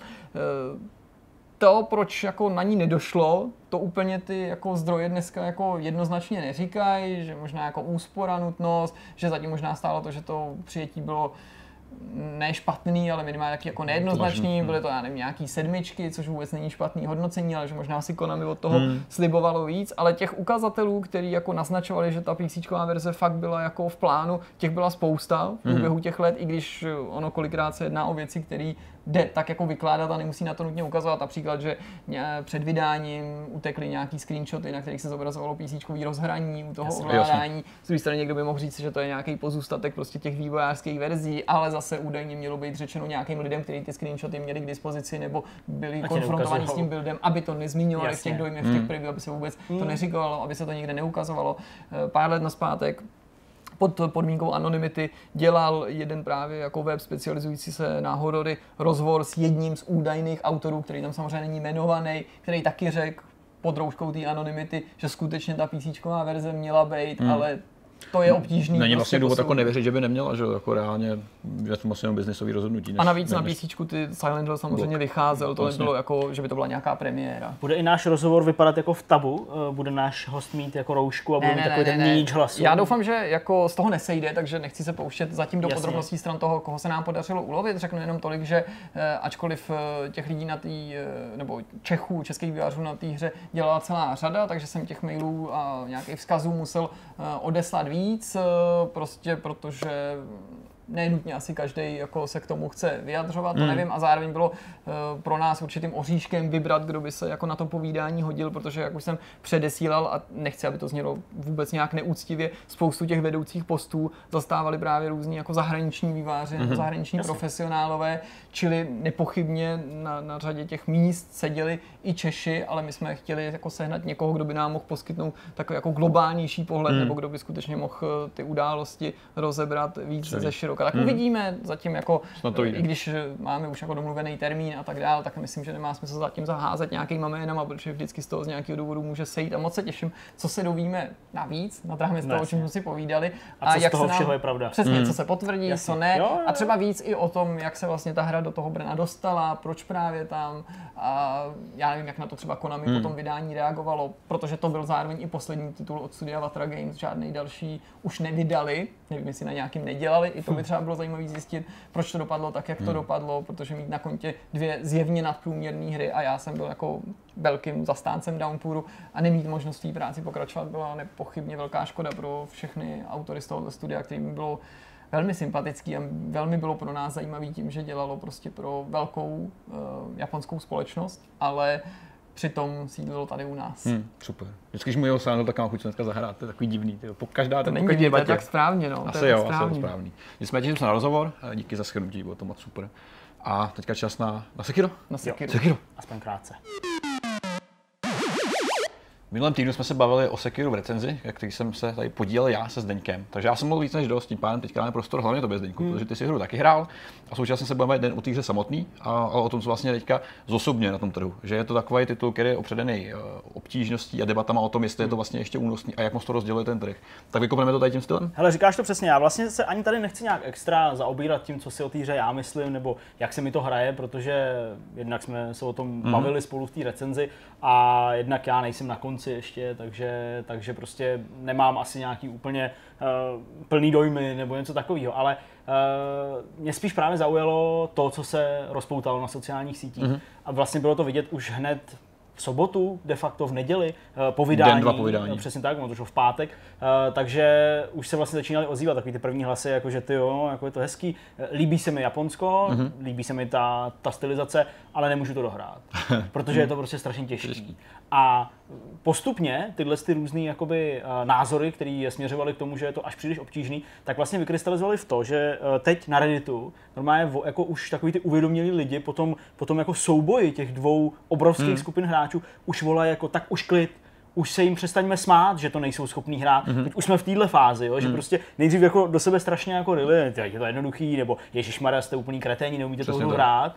Jo, ale teď už, hele, tak už to jako uklidněme, už je to jako v pohodě, no tak dobře, tak oni to jako nechtějí hrát. Ale mezi tím vším je právě to, že hra se vracela na Steamu, bez udání důvodu de facto, mm-hmm. jo, nebo prostě nehratelný. Uh, lidi se snažili prodávat krabicovky, mm-hmm. konzolové verze, digitální samozřejmě nevrátě. Se zbavovat se úplně jo. A opravdu se začalo mluvit o tom, proč proč ta hra je tak těžká, mm-hmm. nebo jako jestli to je vlastně dobře. A dle mýho se to zvedlo proto, nebo víc než v případě Dark Souls mm-hmm. nebo Bloodborne, protože je skutečně jinačí, trošku než byly ty předchozí hry no, a oslovuje, oslovit, no. přesně tak, a oslovuje jako mnohem širší to spektrum. Mm-hmm. No a teď mě právě zajímá, jestli jsme s tomu, k tomu schopni dojít, nebo minimálně aspoň se názorově nějak nasměřit, eh, nasměrovat, jestli je to jako dobře, že je takhle obtížná a tím pádem do velké míry elitářská a, a vlastně jako odmítavá k těm, kdo nejsou tak zdatný nebo, nebo nemají tu trpělivost, mm-hmm. a nebo jestli je to nějaká zkostnatělost From Software, kteří mm. se i sami vyžívají v tom, že jsou vlastně jako takový hvězdy a, a takový jako prostě takový jako klub elitních hráčů jo, jo. Jo, a nechtějí mezi sebe nikoho pustit. A mě by to hrozně mm. zajímalo, protože uh, můj názor, teda abych to nějak vykopnul a předeslal, je prostě ten, že by to té hře jako neuškodilo, nebo myslím si, že by to pro ty výváře nemusel být žádný velký problém, tam něco takového do té do hry dodat, ale zároveň vlastně uh, si myslím, že ta reakce těch hráčů, kteří to hrajou a který, a teď se fakt jako omlouvám, ale mluvím opravdu k těm hardcore hráčům, kteří ale to dávají na odiv, mm-hmm. takže prostě jako jejich jako nosánek, který směřuje nahoru, hmm. že prostě tím projdou úplně hladce, hmm. že by jako ta jejich pícha utrpěla tím, kdyby tam něco takového bylo. To taky balancování na tady té tenké hraně. A ještě se na začátek, co to vlastně celý způsobuje. Já si ještě myslím, že tam velkou část toho dělá ta tom, tu mediální zastoupení, protože hmm. hry, jak postupně Dark Souls síl s časem, tak se ty hry zlepšují až vlastně se rozšiřují více a více lidem. Ne z hlediska obtížnostního mechanismu, ale ten prostor s tím úspěchem prostě roste, který je vidět v médiích a všude. Když vyšlo Demon Souls, tak to byl takový náhodný hit, Jasně. který se prostě rozrost. A co, co díl, co Dark Souls, tak to vlastně víc vidí na balu. I Sekiro se objevuje v médiích mnohem víc a člověk by si mohl myslet, takový ten nezasvěcený, že tohle je přesně titul, který chci hrát. Tady je Japonsko, to jsem dlouho neviděl. Jo, Lidi volají potenciál. A tohle je prostě věc, která přitáhne spoustu lidí, kteří třeba vůbec neznají From Software a, a chtěli by to vyzkoušet. No, a pak samozřejmě dojde k takovému prozření. A tady to je podle mě u Sekira mnohem silnější, než to bylo třeba u Dark Souls, ještě u třetích, nebo u Bloodborne podobně. Před pár lety lidi ani neznali jméno toho studia, nebo zdaleka ne tolik lidí jako dneska. Hmm. Dneska se z toho mm, názvu, z toho brandu From, From Software stalo něco, co jako je všeobecně známý. Mm-hmm. I lidem, kteří ty jejich hry nehrajou, neznají v pravém slova smyslu, ale třeba i zafixovali si něco jako, jo, to jsou ty těžké hry, jo, nebo to jo, jsou takové ty prostě fantazie, jak se tam prostě jsou ty složitý souboje. To je něco, co pár let naspátek jako neexistovalo. Mm-hmm. Dobře si to řekl, že ty Demon Souls prostě vyšly a pro spoustu lidí úplně bez povšimnutí, pak postupně s těma Dark Souls to sílilo a věřím, že pokud nepřijde nějaký jako pád nebo nějaký velký neúspěch, ale mm-hmm. asi ani jeden to nebude nutně jako předznamenávat, takže každý další počin se dočká větší pozornosti, hmm. nejen právě od těch skalních fanoušků, ale od mainstreamových médií a budou mít větší očekávání i ty běžní hráči. I kdyby nakonec si ten, tu hru nekoupili, nebo byli třeba i od samého začátku přesvědčení, že si tu hru nekoupí, mm. už počítali s tím, že to bude těžký. I kdyby jim vývojáři slibovali, že bude lehký a ty, ty, ty hráči dál věřili tomu, mm. že to bude těžký a nechtěli uh, tomu uvěřit, tomu slibu, tak to budou sledovat. Prostě stalo se z toho něco, o co se lidi zajímají. Mm-hmm. Je to takový ten typ hry, i když to nehrajou, tak se o tom čte. Jo? Což je jako dobrý, protože oni tohle se do, podaří docílit některým sériím, mm-hmm. výjimečně některým studiím, jako Naughty Dog. Oni mají obrovskou kliku, že se protože z toho udělali jako know-how, nějaký svůj signifikantní ano. prvek, je to ta obtížnost nebo nějaká nesmlouvavost, tak každý titul, který budou dělat, tak se stran tohohle bude řešit mm-hmm. a mhm. díky tomu se ty zvýšené pozornosti dočká, což jako mm. je, je fér a je pro ně prostě výhodou. Co ty jako soudíš eh, právě teda na tu obtížnost, protože ono to zaznělo třeba i během toho našeho streamu, eh, že jako je to těžký, nebo že prostě je to třeba i nepřekonatelný v nějakým ohledě uh, pro tebe, nebo ta představa toho, že bys měl trávit s tím tolik času na jednom bosovi a tak dále. Uh, jako je to pro tebe opravdu uh, ta hranice, která ti vlastně zakáže nebo zamezí tu hru hrát, ta obtížnost? Já myslím, že jako pro mě to takhle asi nestojí, mm-hmm. že zvlášť když se bavíme jakoby o kvalitní hře, tak by asi jako obtížnost, pokud tě ta hra láká tematicky, nebo ti přijde sympatická, nebo je to kvalitní titul, a ty, nebo ty jsi přesvědčený, mm-hmm. že je kvalitní, nebo se ti minimálně líbí, tak by asi ta obtížnost neměla být bariérou, i když naprosto chápu, proč pro některý lidi bariérou mm-hmm. je, nebo natolik velkou, že, se, že tu hru přestaneš hrát, nebo že usiluješ o to se jí zbavit. Je nutný říct, že je to strašně obtížný jako vyjádřit, co je obtížný a co ne, protože mm. to je jako bytostně subjektivní záležitost. Mm. My se tady o tom můžeme jako stokrát bavit, a přesto se jakoby najdou lidi, kteří, jak to jakoby Zdeněk říkal, a jako já to nemyslím vůči ním nějak zle ani útočně, si jako zakládají na tom a mají jako rádi ten pocit, když prostě v diskuzi, kde prostě 19 lidí z 20 řekne, že je to těžký, strašně těžký, hmm. nebo docela těžký, tak přijde a řekne, že to je casual, prostě, že to, to neznáte tu předchozí hru, nebo před předchozí, ta byla těžká, tohle je pro blbce, to mm-hmm. prostě zvládne každý, to dohrou na bongách, to Epidemie. jednou rukou a prostě speedrun, jo, jako, že prostě ale to svým způsobem, to, že tyhle lidi chodí, nebo že se o tom takhle mluví, tak i tyhle názory právě potvrzují to, že ta hra je nějakým způsobem výjimečná. Určitě. Tady se mluví o tom, že výjimečně je těžká, ale jako to je ta výjimka potvrzující hmm. pravidlo. Hmm. A navíc jako i když to, jestli nám něco jde nebo nejde, protože můžeš mít lehkou závodní hru a někdo nehraje závodní hry, tudíž mu může připadat obtížná mm-hmm. hrát tu závodní hru jako takovou. I když je to něco individuálního, tak uh, můžeme přece nějak průměrovat. A můžeme si říct, že pokud o jiný hře se tolik nemluví v souvislosti mm. s obtížností, tak zřejmě ten problém nemá. Určitě do toho vstupuje to, že není tam ta volba té obtížnosti. Mm. Je přesně otázka to, co naznačoval Zdeněk. A my jsme se o tom bavili právě i soukromně, když jsme přesně nedošli tak. k žádnému závěru, jestli by možnost snížit si tu obtížnost tu hru ovlivnila negativně. My víme, že kdyby ta obtížnost šla snížit, mm-hmm. takže by nepochybně to skalní fanoušci už to samou možnost snížit tu obtížnost považovali za jako nějakou svatou krádež nebo znesvěcení no, síry. A já tomu i rozumím, ani jako je vlastně tím jako nechci hanit nebo nějaké urazit. Rozumím tomu, proč hmm. jako si i zakládají na tom, že by ta hra měla být obtížná a nejen obtížná pro mě tím, že si dám nějakou obtížnost, ale že to by mělo být její status quo. Na druhé straně ublížilo by to té hře ne, fakticky, ne, ne. když by se otevřela dalším lidem, když by byli schopní hrát hmm. i lidi, kteří jsou prostě mý nadaný. Vlastně. A teď jde jakoby o to, že se o tom pořád bavíme jako o produktu. Jehož smyslem je jakoby prodat co nejvíc kopií. Hmm. Utrpěla by tím jako jeho pověst, byl by ten produkt horší, pokud by si ho jako zahrálo a užilo víc lidí a klidně by to mohlo být samozřejmě řešený i tím, že já nevím, na tu nižší obtížnost by si neodemknul trofy nebo achievementy, Třeba. nebo by si dostal špatný konec. Jo? Tohle má spoustu Těch potenciálních řešení, jak jako spousta, říct, to. že ten nějaký člověk, který to hraje na ten standardní způsob, to hraje správně, nebo že to hraje líp, nebo že to je ten jako defaultní způsob, mm-hmm. aniž by si tomu, kdo prostě tím není schopen projít, jako v tom, v tom zamezil. Ale to je opravdu jako otázka, která už stojí někde jinde, jako jestli tě třeba u závodní hry typu Project Cars, jestli tam máš mít asistence nebo nemáš. Taky tam no, máš prostě jsem, super hardcore simulátor. Já jsem tohle chtěl použít přesně jako ten hmm. příklad. Opravdu jako přísahám, že jsem to měl v hlavě a chtěl jsem nasměrovat ještě přes jednu otázku, jestli to jako tobě, Petře, přijde ta hra těžká, hmm. uh, jakožto, jakožto veteránové, ale k tomuhle tomu, uh, to, je, to je prostě to, co se dá uplatnit dle mýho i na takovýhle hry, protože uh, já si myslím, že ačkoliv zaznívají hodně podobné takové jako řečičky právě od těch, kdo zvládají perfektně závodní hry, že Forza není žádný simulátor, nebo Project Cars není mm-hmm. žádný simulátor, to je jenom iRacing, nebo to, jo, jo, jo, to, je, to, je, to je jenom prostě R Factor a takovéhle věci. Jasně. To samozřejmě se různí. Tak uh, přesně tam to je, jo, že vlastně ty si z toho můžeš udělat naprostou arkádu, kdy jenom mhm. držíš hmm. prostě plyn a ono to div samo dojede do cíle, protože to i zatáčí. A nebo prostě to uděláš tak, že máš než plynový pedál na, na své sestavě s volantem a s pedálama a to auto se ti roztočí, protože hmm. prostě to přidal moc prudce. A jako ty nůžky se otevřou tak hrozně moc, že to musí uspokojit hráče na obou stranách. A je prostě strašně zvláštní, že to v těchto hrách není. Na druhou stranu, uh, už teď v tuhle chvíli pro PC verzi, logicky ne pro ty konzolové, existuje, ale to je takový divný vohák, jak by řekl Petr, existuje normálně jako prostě nesmrtelný cheat. Cheat na nesmrtelnost. Ale, to, škoda, ale to, to je prostě, to hru, přesně, to zase úplně jako devalvuje ten zážitek mm. z toho, že jako teda musíš aktivně, v konkrétně v Sekiru, bojovat postavená, a tak dále. To je ta práce toho výváře, který má přijít a určit, v čem má být pravidla, to, to, zjednodušení. Je to, je to auto heal, nebo je to, že prostě budu mít o, jedno, o jeden resurrect víc, Nebo nebo, naopak menší damage všechny, budu dostávat. No jasně, Je nebo to nejsnažší ve výsledku, budou že? o polovinu slabší, to je, nebo o polovinu Hmm. jako méně schopný třeba odrážet ty útoky. Já dojdu na úplný konec, teď už dostaneš konečně slovo, Petře, protože na úplném konci té hry, a to není asi nějaké extra velký tajemství, ty nepřátelé pak eh, nejsou, eh, nebo nemusíš je porážet jenom na dvě eh, fáze, ale i na tři, že má jakoby tři ty životy, nebo prostě Jasně. tři nějaký ty dušičky, které prostě musí z ní vymlátit.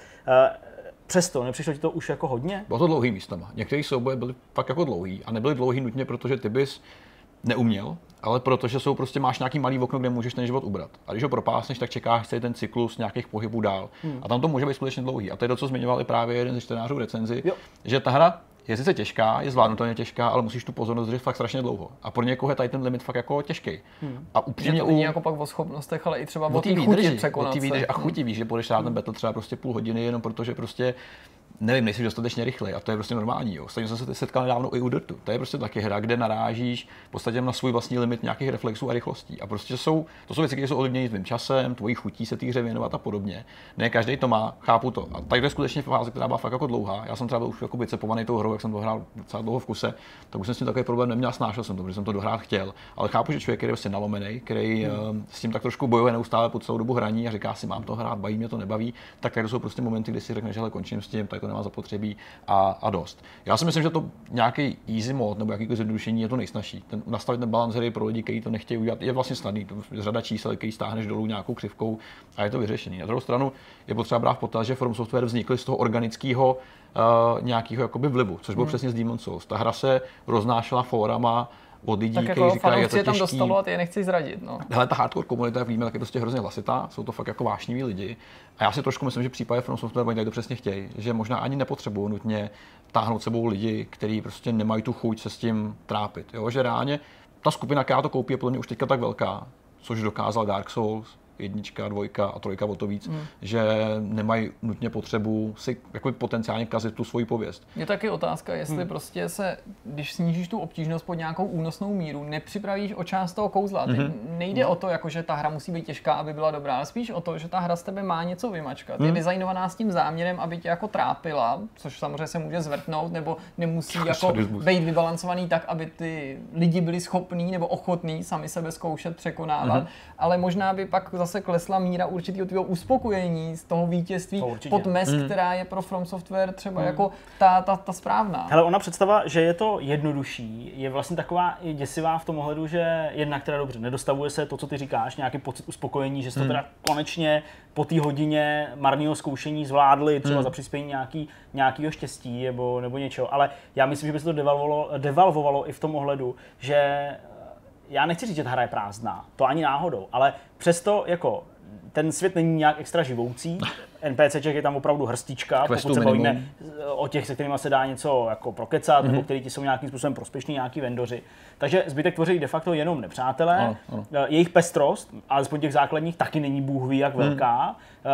Uh, jako je, ale není nějak extra jako ohromující. A vlastně, kdybys to měl jednoduchý a kromě bossů si všechno dával na jednu ránu de facto, nebo prostě něco, protože už i teď už i teď v té normální obtížnosti, nebo tam, jak je ta hra nastavená, prostě s trochou cviku seš řadu těch nepřátel schopnej opravdu Posekáš to jednoduše dát, rychle. dát jako na jedno, a to nemluvím o nějakých jako zabití ze, ze, ze stealthu, tak eh, vlastně by se tím prošel dle mého strašně rychle Hmm. a hrozně moc, eh, hrozně moc eh, po začátku té hry by si to smrsklo jenom na ty souboje s těma bossama a vlastně Hmm. bys tam neměl tu výzvu, která spočívá i Jo. v tom, že musíš tou lokací nějak projít. Přesně tak. I když, zase na druhou stranu, já dneska jsem se koukal na 52-minutový jako speedrun Pua, ty a vole. ten člověk to prostě dál Aha. a jenom to proběh. No a to je Jenom to proběh toho, jako... prostě k. Toho A nic šílenství, který jenom těm, který musí ještě No, navíc. Jo. Takový ty minibossy, jo, který, ti dají, který ti dají pak vlastně jakoby ty lepší staty že, jo, do těch dalších soubojů, tak to úplně ignoroval jo, a, Hmm, a doběh to. Takže jako, je, to, je to hrozně zvláštní a já vlastně nechápu, proč jako vznik tenhle stav. Jako, Hmm. To legacy, nějaký ten odkaz těch her, to je jako jedna obrovská věc, ale prostě mi přijde, že to ty From Software jako dělají jako tak trochu navzdory sami sobě. Hmm. Jo? Že prostě kdyby to jako trochu pootevřeli, tak dle mého s tím musí úplně poválcovat jako největší tituly. Jsou způsoby, kde si myslím, že by šlo trošku ještě ušetřit a ta hra by eh, netrpěla, jako jsou přesně ty třífázové betly a podobně. Tam se dá prostě trošku stáhnout. Ale současně je pro mě v té sérii Dark Souls a včetně Bloodborne první hra, kde obtížnost hraje opravdu roli v tom zážitku, jako zásadně. Že máš opravdu pocit z toho, když jsi dobrý. Dark Souls a Bloodborne byl takový dost takový cheap tituly v tom smyslu, že prostě můžeš všechno vyřešit skákáním a seknutím. Takový ten jednoduchý úskok, sek, úskok, sek, což není žádný takový velký umění. Je to samozřejmě nějaký určitě jako plánování, časový management v tom, co máš dělat, ale bylo to vlastně v porovnání se Sekirem mnohem jednodušší v tom ohledu. Hmm. Ty hry byly těžké, samozřejmě byly, ale Sekiro jde ještě o ten level dál. A já si myslím, že v případě From Software her je to rozhodování, jestli to můžu a nemůžu hrát mnohem snažší, protože prostě každá je těžká. Sekiro je jednoznačně těžší, takže já si sám dokážu říct už před, tý, před tou koupí té hry, mám chuť se s tou hrou prát natolik, abych prostě strávil hodinu v jedné lokaci a prošel jí normálně, nemám, tak to nekupuju. Jo, že u jiných her je prostě snaží nebo těžší nějak rozlišit to, jestli mě bude bavit, nebo jestli má ten potenciál mě zachytit. Tady už je ten první ček jasný, je to prostě těžký, nechci to hrát, nemám tu, tu, tu vůli to prostě udělat. Hmm. Ale láká mě to skrz to téma, skrz Jenom jen doslech poslouchat lidi, jak se o tom baví, je samo o sobě často ohromně nakažlivý. Chceš si prostě ty věci vyzkoušet. Já mám teďka naopak pocit, že díky Sekiru, který jsem si eh, teďka vlastně zahrál a dost mě to chytlo, tak mám chuť si zpětně zahrát víc Dark Souls a, ty vlastně tituly předchozí, které mě podařilo. hrozně jako vadili právě skrz tu komunitu, která byla až moc vášnivá místama. To jsou mnohdy tak vohavní lidi, kteří jsou vlastně schopní hmm. ti říkat, že ty jsi vlastně úplně pitomec, že to je všechno strašně jednoduchý a přesně odrazí i ty lidi, kteří by to chtěli vyzkoušet a současně jsou neustále konfrontovaní s tou realitou toho, že je tady nějaký elitářský vodca, který v podstatě říká, že já jsem úplný nic a, a on je ten lepší. Dřív nebo později by se ale mohlo stát, a to by byla vlastně strašná škoda, že ta sama pověst, která ty hry předchází, by jim do budoucna lámala vás, mm-hmm. protože by třeba to ta pověst toho, jakože je to obtížný, narostla do té míry, že by jako předstihla tu skutečnost Jasně. a že by lidi najednou se jako bránili tomuto vyzkoušet, to protože by se dopředu jasně. báli toho, že, že to těžký to hmm. jí bude. A vidím tady ještě jedno riziko do hmm. budoucna, který by mě trochu mrzelo. Zdá se, podle všeho, to, co říkáte vy, a z toho mála, co jsem měl možnost vidět já, a doufám, že si najdu na to víc času, že je to jako zjevně povedený titul. Hmm. No. Ale bojím se do budoucna toho, že prostě pokud neustále bude předcházet jako takováhle pověst, že bude pro mm, obecně hráče, ale i média velmi obtížný pak jako nějaký ten titul kritizovat protože si myslím, že je to příklad hry, kterou když jako někdo se odváží kritizovat, a nejen třeba za tu obtížnost, ale mm-hmm. dejme tomu, že někdo třeba by se snažil nadníst tu otázku, jestli ne ta hra má být jednodušší, ale jestli třeba nějak něco s tou obtížností nemá dělat jinak se mm-hmm. soubojem. Prostě cokoliv by se té obtížnosti mohlo mm. trochu týkat, já nevím, nevyhovuje mi soubojový systém nebo něco takového, tak může být jako ten dotyčný podrobený kritice nebo odpálkovaný s tím, tomu nerozumíš. To je taková hra, prostě neumíš to hrát. To už se děje a to, teďka, to by byla jako by fakt, děje, no. hmm. fakt velká škoda, protože to by nám pak jako, nemyslím nám třem, ale obecně hráčům jako znemožňoval to už jako hodnotit spravedlivě, no, jo? že prostě bylo by blbý, aby jakákoliv hmm. jako i třeba případná jako spravedlivá kritika byla jako odražená a jako zmenšená jo. nebo prostě jako ne, nebraná v potaz právě s ohledem na to, jako že ty to nechápeš, mm-hmm. prostě ty to neumíš hrát, ty nevíš hmm. prostě, jaký to je. Hele, v tomhle je to úplně enormně obtížný jako hmm. hodnotit. Já vlastně jsem strašně rád, že se toho Petr ujal a že to byl on, kdo vyskl ten ortel a že já prostě nejsem ten, kdo to jako musel hodnotit jako za sebe. Ale fakt je ten, že jako třeba ta grafika v jakýkoliv jiný hře by byla jako podrobená zdrcující no, kritice. Myslím v porovnání s tím, hmm. co je teď. Tady je to tak nicotná jakoby záležitost. Malý faktor v tom všem protože to jí jako přebíjí ta hratelnost, hmm. ale jako není to nicotná záležitost jako v tom celkovém hodnocení. Hmm. Prostě ano, tvoří tady méně podstatnou věc, protože ti jakoby až nad rámec, dejme tomu té kamery, pokud to, to chceme počítat, tak tě vlastně jako ničem jako nepřekáží a furt se soustředí na ty souboje, hmm. ale jako furt je asi nutný na to pohlížet jako na nějakou jako část té hry. A to je třeba prostě věc, která to je jo. fakt jako, jako špatná. Mm. To mm. není ani jako, jako ucházející, to je, to je prostě špatný. Mm. Jako stylizace spoustu věcí dokáže jako... Právě ten vizuální styl hodně věcí napraví. No. Přesně, jako napravit nebo schovat, jo, ale technicky je to, je to jako fakt prostě mm, průměr, průměr jo, a, a, to ještě na některých místech jenom přivřeš v oko. Mm. Uh, co mi třeba prostě taky vadí, tak eh, je ta umělá inteligence, ale zase, jo, je to jako, jako součást toho level designu, součást té mm. hratelnosti, to, že prostě ty panáci mají ten alert, a pak ho nemají a odejdou, ale to je třeba úplně stejné jako v Assassin's Creed. Tam si taky napískáš prostě do jednoho křoví a všechny zabiješ. Všechny zabiješ. Hmm. prostě je to jako enormně těžký a přesně to, jak jako by to ty lidi milujou, a je jich relativně málo, nebo prostě přijde mi, že to je takový fakt jako klub prostě těch jako vybraných superhráčů, tak uh, jim prostě do toho nemůžeš šáhnout. Když no. do toho šáneš, tak seš jak říkal Jirka, kreten, co to neumí a co no, to nepochopil. No. Jo, prostě a to je, to je fakt masakr. A tady to je validní věc, no. Tady to, jako to už se děje teďka a už často prostě vidím diskuze mezi lidmi, kteří jsou jako opravdu oddaný hmm. a který si to prostě chtějí jenom zahrát a jsou jako konfrontovaní s tou realitou velmi hrubě. A je to přesně ono, že i ta samotná komunita může odrážet ty, nebo odrazovat ty postupní hmm, hráče, hmm. kteří chtějí prostě přijít. A je to fakt jako zoufalý, takový jakoby vlci na těch řetězech, kteří se občas utrhnou a prostě pokosej celý stádo jako ovcí, že? což občas bývá. Napadají dvě hry, které se vlastně potýkali s něčím velice podobným. Tou první je Cuphead, který no, taky předcházela výjimečná pověst, ale byla to jako super obtížná hra, kterou by taky šlo dekompilovat vlastně jenom na sérii prostě super náročných hmm. výzev. A taky to byl titul, kterýmu jako byli obecně média a hráči jako obtížně mu odolávali nebo obtížně ho hmm. pojmenovávali stran toho, že by si někdo dovolil říct, prostě ta nastavená obtížnost je chyba, protože byl okamžitě zahlušený prostě názorama, jako neumíš to hrát, tak to má být. Já sám jsem třeba miloval Geometry Wars, nebo miluju Geometry Wars. Ten třetí díl byl podle mě no. fakt jako velmi hardcore. Já jsem jako si ho užil, bylo to skvělý, ale zároveň jako jsem si moc dobře vědomý toho, že můj skill na hraní těchto toho typu automatovek a arkádovek mm-hmm. je vyšší než běžného hráče a zase nemám pocit, jako, že by té hře nutně ublížilo to, že by byla dostupná hmm. nějakým jsem, jako dalším lidem. Já mám platinu hmm. z Rizoganu, že jo? To je, prostě to je jako podobný. podobný no. no. Takže jako takový to, jak prostě musíš projít úplně celým tím světem, samozřejmě bez, bez, bez smrti, smrti, ale bez střílení. Jo, jo, jo. Takže musíš používat jenom takový ten dash, jo? To je hmm. prostě, to je úplně jako mindfuck a taky to jako jde zahrát. No, vlastně. Jo? Nevím, je to prostě hmm. těžký.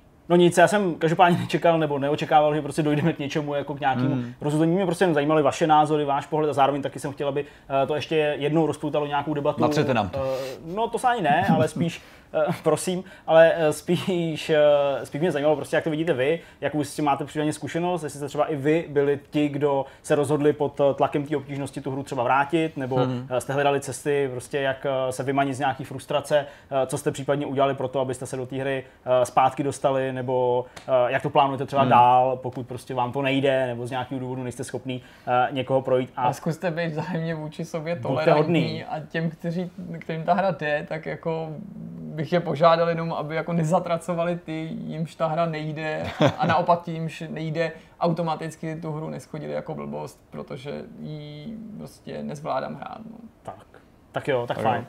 Tak eh, to je teda všechno za nás. No a teď už teda dáme slovo Petrovi Kopštajnovi, eh, panovi pilotovi a pobavíme se o tom, jak to vypadá z jeho pohledu, když eh, to zkouší virtuálně a jaký je rozdíl mezi tím virtuálním a skutečným lítáním. Jak jsme slibovali už na začátku, i dnes máme hosta a tím dnes je Petr Kopstein, jeden ze dvou českých pilotů elitní série Red Bull L Race. Vítejte u nás.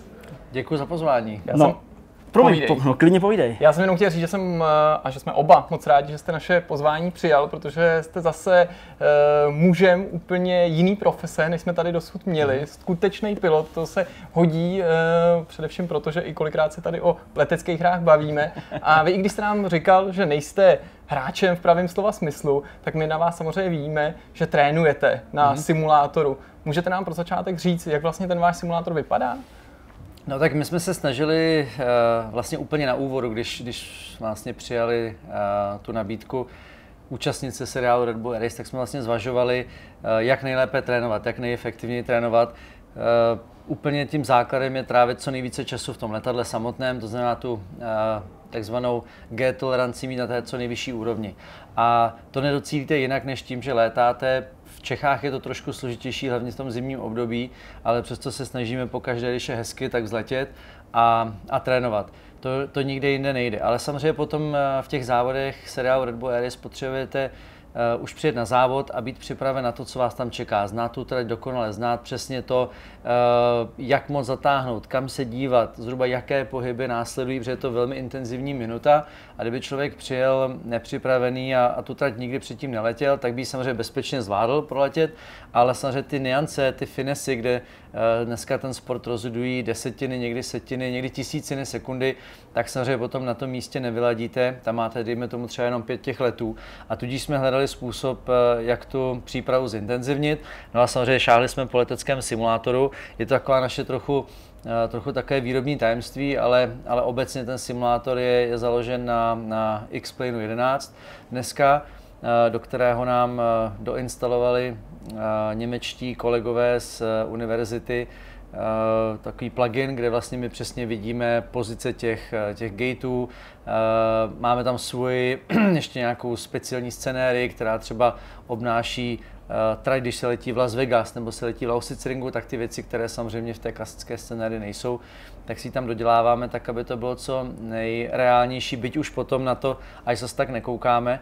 No a snažíme se vlastně využívat toho, co nám ten simulátor přináší. To znamená, trávíme já možná desítky hodin před každým tím závodem aby jsme se připravili do sebe menšího detailu. Zkoušíme si i nouzová přistání, vlastně kam by se dalo s tím letadlem přistát v případě, že by se něco eh, nepovedlo, porouchalo. Máme místa, kde vlastně víme, že tohle je ta ideální eh, část trati, kde třeba není mělko, protože u nás tam, kde je mělká voda, tohle letadlo by se překlopilo, tak ty záchranáři k nám třeba zase nemůžou. Takže to už zabíhám do detailů, ale eh, vlastně používáme to na, na všechny možné i simulace jiné, nejenom ty v té trati. Eh, samozřejmě simulátor software to je jedna věc, eh, vyladit se to asi dá eh, do nějakých drobných detailů nebo těch největších detailů, ale jak je to s hardwarem? To znamená, co používáte za páku nebo nějaký custom made něco? jako je, to, je to něco, co vychází vlastně z těch automobilových závodů nebo z těch automobilových simulátorů, pardon. To zná klasický playseat, používáme Thrustmaster, jestli mm. se mhm. nepletu, a vlastně máme to tak customizované, aby ta páka, kterou řídím, kterou držím v ruce, aby byla tvarově, eh, výškově, i ten grip je úplně identický jako to, co máme v tom letadle, aby ta pozice té sedačky odpovídala tomu, jak vlastně potom v tom letadle sedím. No a my máme dva, dva kusy, jeden je ten, co cestuje s námi, bavíme se o tom, vlastně o tom hardwareu, ten počítač vždycky vezeme sebou. A máme vlastně uh, už dneska je tu možnost potom stáhnout ty data z toho letounu a porovnávat je s tou nějakou optimální, nasimulovanou tratí, kde si vlastně říkáme, jasně záleží na, na, na směru větru, teplotě. To jsou věci, které významně tenhle ovlivňují, ale na druhou stranu aspoň víte, tušíte, že třeba tady vám to trochu ujelo, tady ten oblouk byl příliš velký, tady jsme to příliš pustili, nebo ta Gčka tam třeba nejsou na té maximální možné úrovni. Používají všichni vaši kolegové takovýhle simulátor? Bavili jste se třeba o tom, jaký, jestli každý máte vyrobený nějaký jiný, nebo jestli je, dejme tomu, to zařízení, který máte my, nějaký oficiální schválený? Eh, každý ten tým má jiný simulátor, eh, někdo si ho vyvíjí sám, někdo, eh, třeba my, my spolupracujeme s kanadským týmem Pete McLeoda, to je člověk, který vlastně spolupracoval dříve s Hanesem Archem a po jeho tragické smrti, vlastně, kdy zemřel ve vrtulníku před dvěma lety, tak vlastně jsme začali spolupracovat společně, takže vyvíjíme některé věci a k ním patří i vlastně simulátor. Takže člověk, který vlastně ten simulátor nebo ten plugin takzvaný vyvíjel, dneska je jakýmsi týmovým inženýrem v tom druhém týmu, ale spolupracujeme uh, i, i na této věci, na ještě dalších projektech. Samozřejmě je to takové tajemství, nikdo neříká úplně přesně, jak, jak to vypadá, nikdo neviděl ten, tu, tu grafiku nebo to, jak jsou ty věci řešeny u těch ostatních týmů. U nás je důležitá časomíra, že porovnáváme různé úseky mezi sebou nebo i jako kumulovaně ty úseky, protože některou trať třeba proletíte nebo ten úsek proletíte rychle, to letadlo takzvaně utáhnete na větších Gčkách, ale pak to znamená, že vytratíte tu energii a zbývá vám to v tom dalším čase. To znamená, musí se na to vždycky koukat z nějakého globálního pohledu, eh, s nějakým širším, eh, širším eh, nadhledem. Dá se nějak, uh, alespoň v krátkosti popsat třeba ten závodní víkend v tom ohledu, uh, jak je právě rozdělen mezi ty nějaké fáze, ať už právě třeba odpočinek, to je logický, mm-hmm. ale pak uh, samotný ten trénink skutečný a pak třeba na tom simulátoru, jestli to třeba po večerech nebo, mm-hmm. nebo my vlastně přijedeme na to do, do místa konání většinou týden předem. Ten tým, buď to ten pilot přijde později, v mém případě ten náš tým je menší než, než je standardní, takže já jezdím většinou s těmi techniky a s, mhm. těmi, s tím naším manažerem týmovým, kdy my to letadlo dáme dohromady, Eh, což trvá zhruba tak jeden až jedna půl dne se zalétnutím, eh, dejme tomu dva dny, tohle je připravené, eh, pak následují takzvané test, test flighty, kdy kontrolujete, že je všechno v pořádku a že to všechno, co, co se naplánovalo, bude možné s tím letadlem absolvovat, to znamená, že je bezpečné, vše je složené tak, jak má být. No a, a teprve poté vlastně plánujete závod té samotné trati, protože to je něco, kam se nemůžete pustit eh, s letadlem, které je složeno třeba dvě hodiny a nikdo ho neotestoval. Takže potom nasledují vlastně takzvané tréninky, většinou máme tři, eh, tuším, že to je čtvrtek, pátek, eh, jeden trénink bývá ještě v sobotu třeba dopoledne a ty dny jsou vlastně přes kopírák téměř mhm. stejné, jen s tím, že ta mediální expozice potom s tím víkendem stoupá, samozřejmě přichází novináři, fanoušci, je tam i poměrně hodně dalších povinností, lokálně se to liší, ale samozřejmě musíme jít na, na různé recepce a tak dále. Ale v podstatě ten, ten den je, je, je identický. Stáváme velmi brzy ráno, ten tým celý odjíždí do té dané závodní lokace, což nebývá daleko od toho, kde bydlíme. Často se nás lidé ptají, jako vidíte z těch měst jako i něco jiného. Bohužel ne, většinou vidíme to letiště, ze kterého operujeme. Někdy jsou ty letiště třeba umístěny uprostřed města nebo na nějaké kolonádě nebo na nějakém, nějakém přístavním molu. Takže to, to moc nevidíme. Takže ten den začíná klasicky velmi brzo, zkontroluje se letadlo, připraví se na ten, na ten závodní let, máme nějakou diskuzi s inženýrem, zkontroluje se počasí, zkontroluje se nějaká závodní strategie, zda odpovídá tomu, co jsme si naplánovali, vyzkoušeli ty dny předtím. No a vlastně potom se uh, absolvují ty dva, ty dva lety, většinou jeden dopoledne a jeden odpoledne s nějakým uh, lehkým obědem mezi tím, kdy ten tým se opravdu sotva stihne uh, naobědovat. No a samozřejmě po každém tom letu následuje potom velmi detailní práce právě toho týmového technika, mm. uh, což je takový IT specialista většinou ještě se s hlubším vzděláním v tom leteckém inženýrství a zkoumá se, eh, jak ta trať vlastně vypadá, jak to letadlo fungovalo, jestli bylo eh, zahřáto na tu správnou teplotu, protože tam zase eh, trošku se změní tlak, trošku se změní teplota ovzduší a, a samozřejmě nastavení toho motoru musí být tím pádem jiné. No a, a večer potom samozřejmě nějaká fyzioterapie, každý, každý den máme společného jednoho člověka, který na nás má půl hodinu, společná nějaká večeře, debriefing a pak, když něco třeba nám není jasné, tak se snažíme ty věci odladit na tom simulátoru. Pokud samozřejmě všechno funguje a my si, jsme si třeba jistí, že ta, ta strategie je správná a není už co moc řešit, tak třeba jako nepreferuji úplně během toho závodního víkendu na ten simulátor šahat, mám ho tam spíš jako takový backup, abych věděl, že pokud se změní vítr o 180 stupňů a bude foukat kompletně z druhé strany, nebo se změní významně jeho síla toho větru, tak se samozřejmě musíme vyzkoušet, protože to letadlo se na rozdíl od auta pohybuje v tom vzduchu společně s tím vzduchem, není k ničemu vázáno. A pokud se, dejme tomu, ta hmota vzduchová pohybuje, ne 10-15 metrů za sekundu, tak jako to tu strategii ovlivňuje, ovlivňuje významně. No a není tam moc času jako na odpočinek, vždycky, když vidím ten náš týmový kalendář na ten, na ten týden, tak si říkám vlastně, že tam skoro není ani 10 minut, kdyby člověk si, si odechl ale má to všechno svůj řád a, a ty dny jsou i na těch různých lokacích jsou vlastně velmi podobné. Do jaký míry vám počítač nebo právě ten simulátor může pomoct s nastavením toho letadla před tím daným konkrétním závodem, nebo třeba před úplně novou sezónou? Je to něco, co se dá simulovat, nebo je to jenom takový jako vágní pomoc? No je to velmi těžké, samozřejmě ve finále uh, se, se každá věc, která vám může pomoci, a těch věcí my řešíme stovky, jedna z nich jsou samozřejmě ta, uh, ta IT část, taky samozřejmě ty zkušenosti, to jestli řešíme samozřejmě kamery, nahrává si každý let z různých úhlů se na tu věc díváte, ale ve finále tam sedím sám. To znamená, my se zase snažíme v těch datech nestratit. Mm. Těch dat, která z toho padají, je relativně hodně. Ehm, ta frekvence je zhruba 60 eh, samplů za sekundu a, a těch údajů asi 400, které z, toho, které z toho padají. Takže máme software, který nám eh, zobrazuje různé korelace mezi těmi veličinami, aby jsme věděli přesně, který je ten Eh, důležitý, který chceme sledovat. Eh, schováme samozřejmě, jak jsem říkal, závislosti mezi těmi veličinami a hledáme vždycky nějaké optimální nastavení.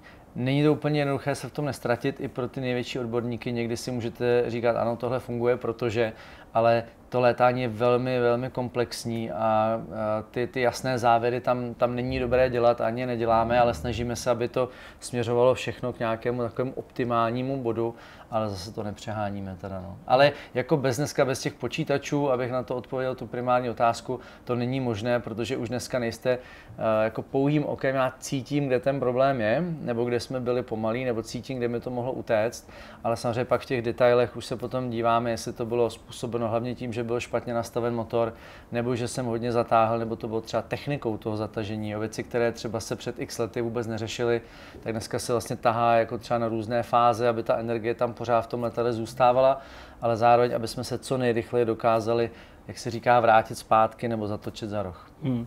Eh, na konto toho simulátoru tady padlo spoustu věcí, já spíš jenom ještě obecně, to si fakt neodpustím, tuhle otázku. Eh, jak je to, kdybyste měl třeba i divákům našim, tak nějak jako přiblížit ty rozdíly. Já samozřejmě chápu, to je zjevný v, v, ve skutečném letadle, prostě ty Gčka a, a tak dále, ale eh, je tam třeba i něco navíc, co jako ten simulátor není schopný zobrazit? No tak jako ten, jako asi ten největší rozdíl je, je bohužel ten, ten efekt toho, že jste blízko tomu riziku nebezpečí té smrti, která je hmm. jako relativně, relativně blízko. To samozřejmě v těch počítačových hrách, když to nepovede, tak uh, prostě jedete znova. To tady my nemáme. My víme, že třeba u těch automobilových závodů můžete zastavit, můžete třeba Dneska už jsou ty auta tak bezpečná, že nabouráte třeba většině těm pilotům z těch, těch formulí 1 se, se nic nestane. V tomhle případě to tak není, my se pohybujeme mnohem rychleji a hlavně se pohybujeme v, té, v tom třetím rozměru, který právě tomu, tomu dává to nebezpečí. Ono jako pokud to letadlo by třeba i havarovalo v tom, v tom uh, dopředném směru, tak ještě máte nějakou šanci ideálně třeba pokud by to bylo nad vodou, že se vám z toho podaří vylézt, ale samozřejmě v momentě, kdy ten eh, impact jakoby je ze zhora, tak ten většinou nekončívá dobře. To znamená, u nás je to největší rozdíl ten, že jako si musíte být jistý, hmm. že ta vaše schopnost je na takové úrovni, že tu chybu neuděláte, že nemáte už jako druhou šanci. A tomu vlastně předchází velmi složitý proces výběru těch pilotů, kdy uh, to třeba je jako další možná otázka, nechci do toho zavředávat, ale kdy uh, ten, ten proces je velmi komplikovaný a ta úspěšnost těch lidí, které třeba se do toho finále, do té Master 3 dostanou, je jako opravdu zlomek. A měl jste vy sám někdy strach, nebo to je něco, co si člověk jako nesmí připustit, nebo jenom v nějak, nebo byl jste jako v situaci, že jste si říkal jako, nevím, jo, jestli to zvládnu? no tak tyhle situace by se vám tom letadle opravdu neměly stávat. Zní to jako fráze. Samozřejmě, že ty situace jako člověk zažije, to jako nebudu tvrdit, že ne, ale zažil jsem je většinou na začátku, když si člověk myslí, že něco umí, neumí většinou nic. Jako čím víc toho umíme, taková fráze, která se často používá, ale já dneska vím, že jsem třeba dobrý v nějakém úzkém, velmi specifickém oboru toho lítání, ale rozhodně mě to uh, nedává uh, pocit nějaké nesmrtelnosti nebo toho, že do jakéhokoliv jiného letadla sednete, umíte ho automaticky řídit. To, to lítání je velmi široký spektrum, velmi široký obor a umět něco dobře tam znamená věnovat se tomu naplno a pak umíte jenom velmi malou část, ale ne všechno. Takže já jsem rozhodně, když jsem třeba přemýšlel o tom, kdy jsem jakoby měl v životě vlastně největší strach, o tom jsem přemýšlel nedávno taky na základě jedné otázky od novináře, tak jsem vlastně si říkal asi, že to jako bylo v letadle. A bylo to, v době, kdy člověk je tam poprvé, nezná to, jste v jiném uh, úplně prostředí, na který je člověk zvyklý stavěný, jste tam sám třeba v, uh, v té chvíli a musíte to letadlo dovést zpátky, musíte s ním přistát, do toho tam hraje roli počasí a tak dále. Takže dneska už to samozřejmě nevnímám, nebo, nebo uh, nemám strach, mám z toho obrovský respekt, ale takový ten zdravý a hlavně jako se to souvisí s tou přípravou, že nechcete nic podcenit, že nechcete jako být takzvaně za fréra, že jasně to zvládnu. To, to, čím větší člověk si myslím, že je profesionál, tím více věnuje té přípravě a většinou tím jakoby menší šance je, že se vám něco stane, protože většinou třeba kamarádi, o které třeba v tom oboru jsme přišli, tak, tak většinou to bylo při instruktorování nebo při letu ve špatném počasí. Málo kdo potom většinou udělá chybu v tom závodě, protože na něj tak dokonale jako připraven, že, že jste na ty Není to jako, že bychom to vylučovali, to tak nikdy není, ale, ale jste na to maximálně připraven. Takže jako rozhodně už to dneska nemám, mám z toho obrovský respekt, ale uh, ten rozdíl hlavně v tomhle. No. Samozřejmě třeba rozdíl mezi tím, když lítáte normálně a pak v tom závodě, tak je v tom, že ta mediální expozice je tam poměrně velká, je tam hodně novinářů a přichází v momentě, kdy vy už se potřebujete soustředit, takže člověk musí umět jako přepnout v jednom momentu, že teď skončil takzvaný náš hangar walk, kdy, kdy se vás novináři ptají na vše možné.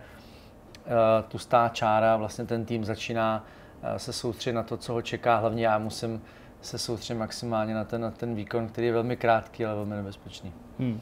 Eh, dá se poznat eh, třeba na někom, kdo si sedne k eh, simulátoru, jestli jste s tím někdo někdy přišel do styku, že třeba má nějaký vlohy pro to, jako, nebo že když prostě bude někdo dobrý na simulátoru, že může teoreticky ve, skutečnosti i závodit? Já si myslím, že je to velmi individuální. Osobně si myslím, že samozřejmě třeba mladí lidé mají třeba můj syn jako s tím simulátorem normálně lítá. Mm-hmm. Uh, lítá s ním samozřejmě, ale je mu jako lítá možná od čtyřech, od pěti, je schopen to letadlo řídit, je schopen s ním přistát, což byste si řekl, že v tomhle věku jako je velmi složitý, ale dokáže to. Ale ne, nemyslím si, že ho to automaticky jako pasuje, nebo uh, že automaticky to znamená, že bude dobrý v letadle. Tam významnou část toho, abyste byl schopen dobře řídit to letadlo, znamená dobře zvládat ta, ta přetížení, ten mm, stres. Jasně. A to musím říct, že je tak hrozně specifický, že třeba uh, lidi, který jsem vozil, který jsem čekal, že, že budou v pohodě, sportovci, uh, kteří jsou třeba jako profesionálové v něčem úplně jiném, ale vrcholí sportovci, tak třeba s tím měli problém. A naopak třeba ženy, jako u kterých bych čekal, že budou mít strach, nebyly to třeba úplně jako profesionální sportovky, tak to třeba zvládly dobře. Ale je to strašně individuální, opravdu jako zažil jsem oboje, obě ty spektra, že jsem to třeba nečekal a zvládal ten člověk výborně, anebo zase obráceně. No. Někdy, jako, nemyslím si, že každý mu to dělá dobře. Hmm. Ono to jako z začátku strašně bolí. Uh, není to příjemný, ty přetížení, není to nic, co by člověku dělalo dobře a člověk to musí jako překonat, zvyknout si na to vlastně vypínat ten, ten, ten systém, protože tělu, když je špatně, eh, respektive když, když vlastně v té akrobaci se to všechno kolem vás točí, tak eh, to tělo má pocit, že se otrávilo a že se potřebuje té otravy toho problému zbavit.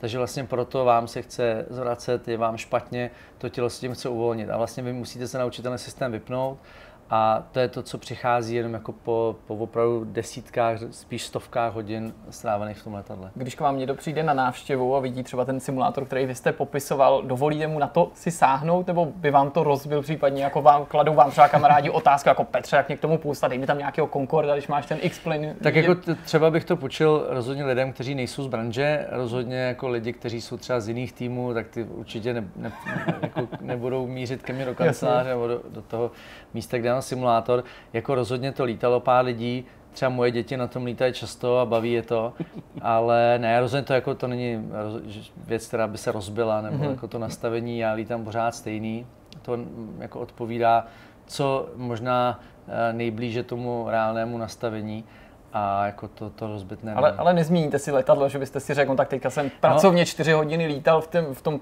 v tom závodním stroji, tak teď si tady dám nějaký jako cestáček a jenom si poletím Praha Brno. No to mě moc nebaví, popravdě, na to je ty, ty Málo pilonů. Jsou, no jako ty letadla jsou na mě moc pomalý, jako neobratný, ta, ta jejich manévrovací schopnost je velmi nízká, tím pádem vás to jako úplně nebere, ale třeba syn se mě zrovna nedávno ptal, jako jestli by taky mohl lítat s něčím jiným než jenom s tím speciálem tak jsem říkal, hele, on je to dost těžký přenastavit, no tak dobře, no tak jsem jako se nechal přemluvit, ale obecně ten simulátor používám eh, na dvě věci a to je akrobacie a, a hlavně ty, ten air race. Jako no v té akrobaci to je trošku jiná disciplína, tam jste v nějakém boxu, taková jako dejme tomu krasu bruslení na známky Jasně. v nějakém boxu, který má hrany o délce 1 km.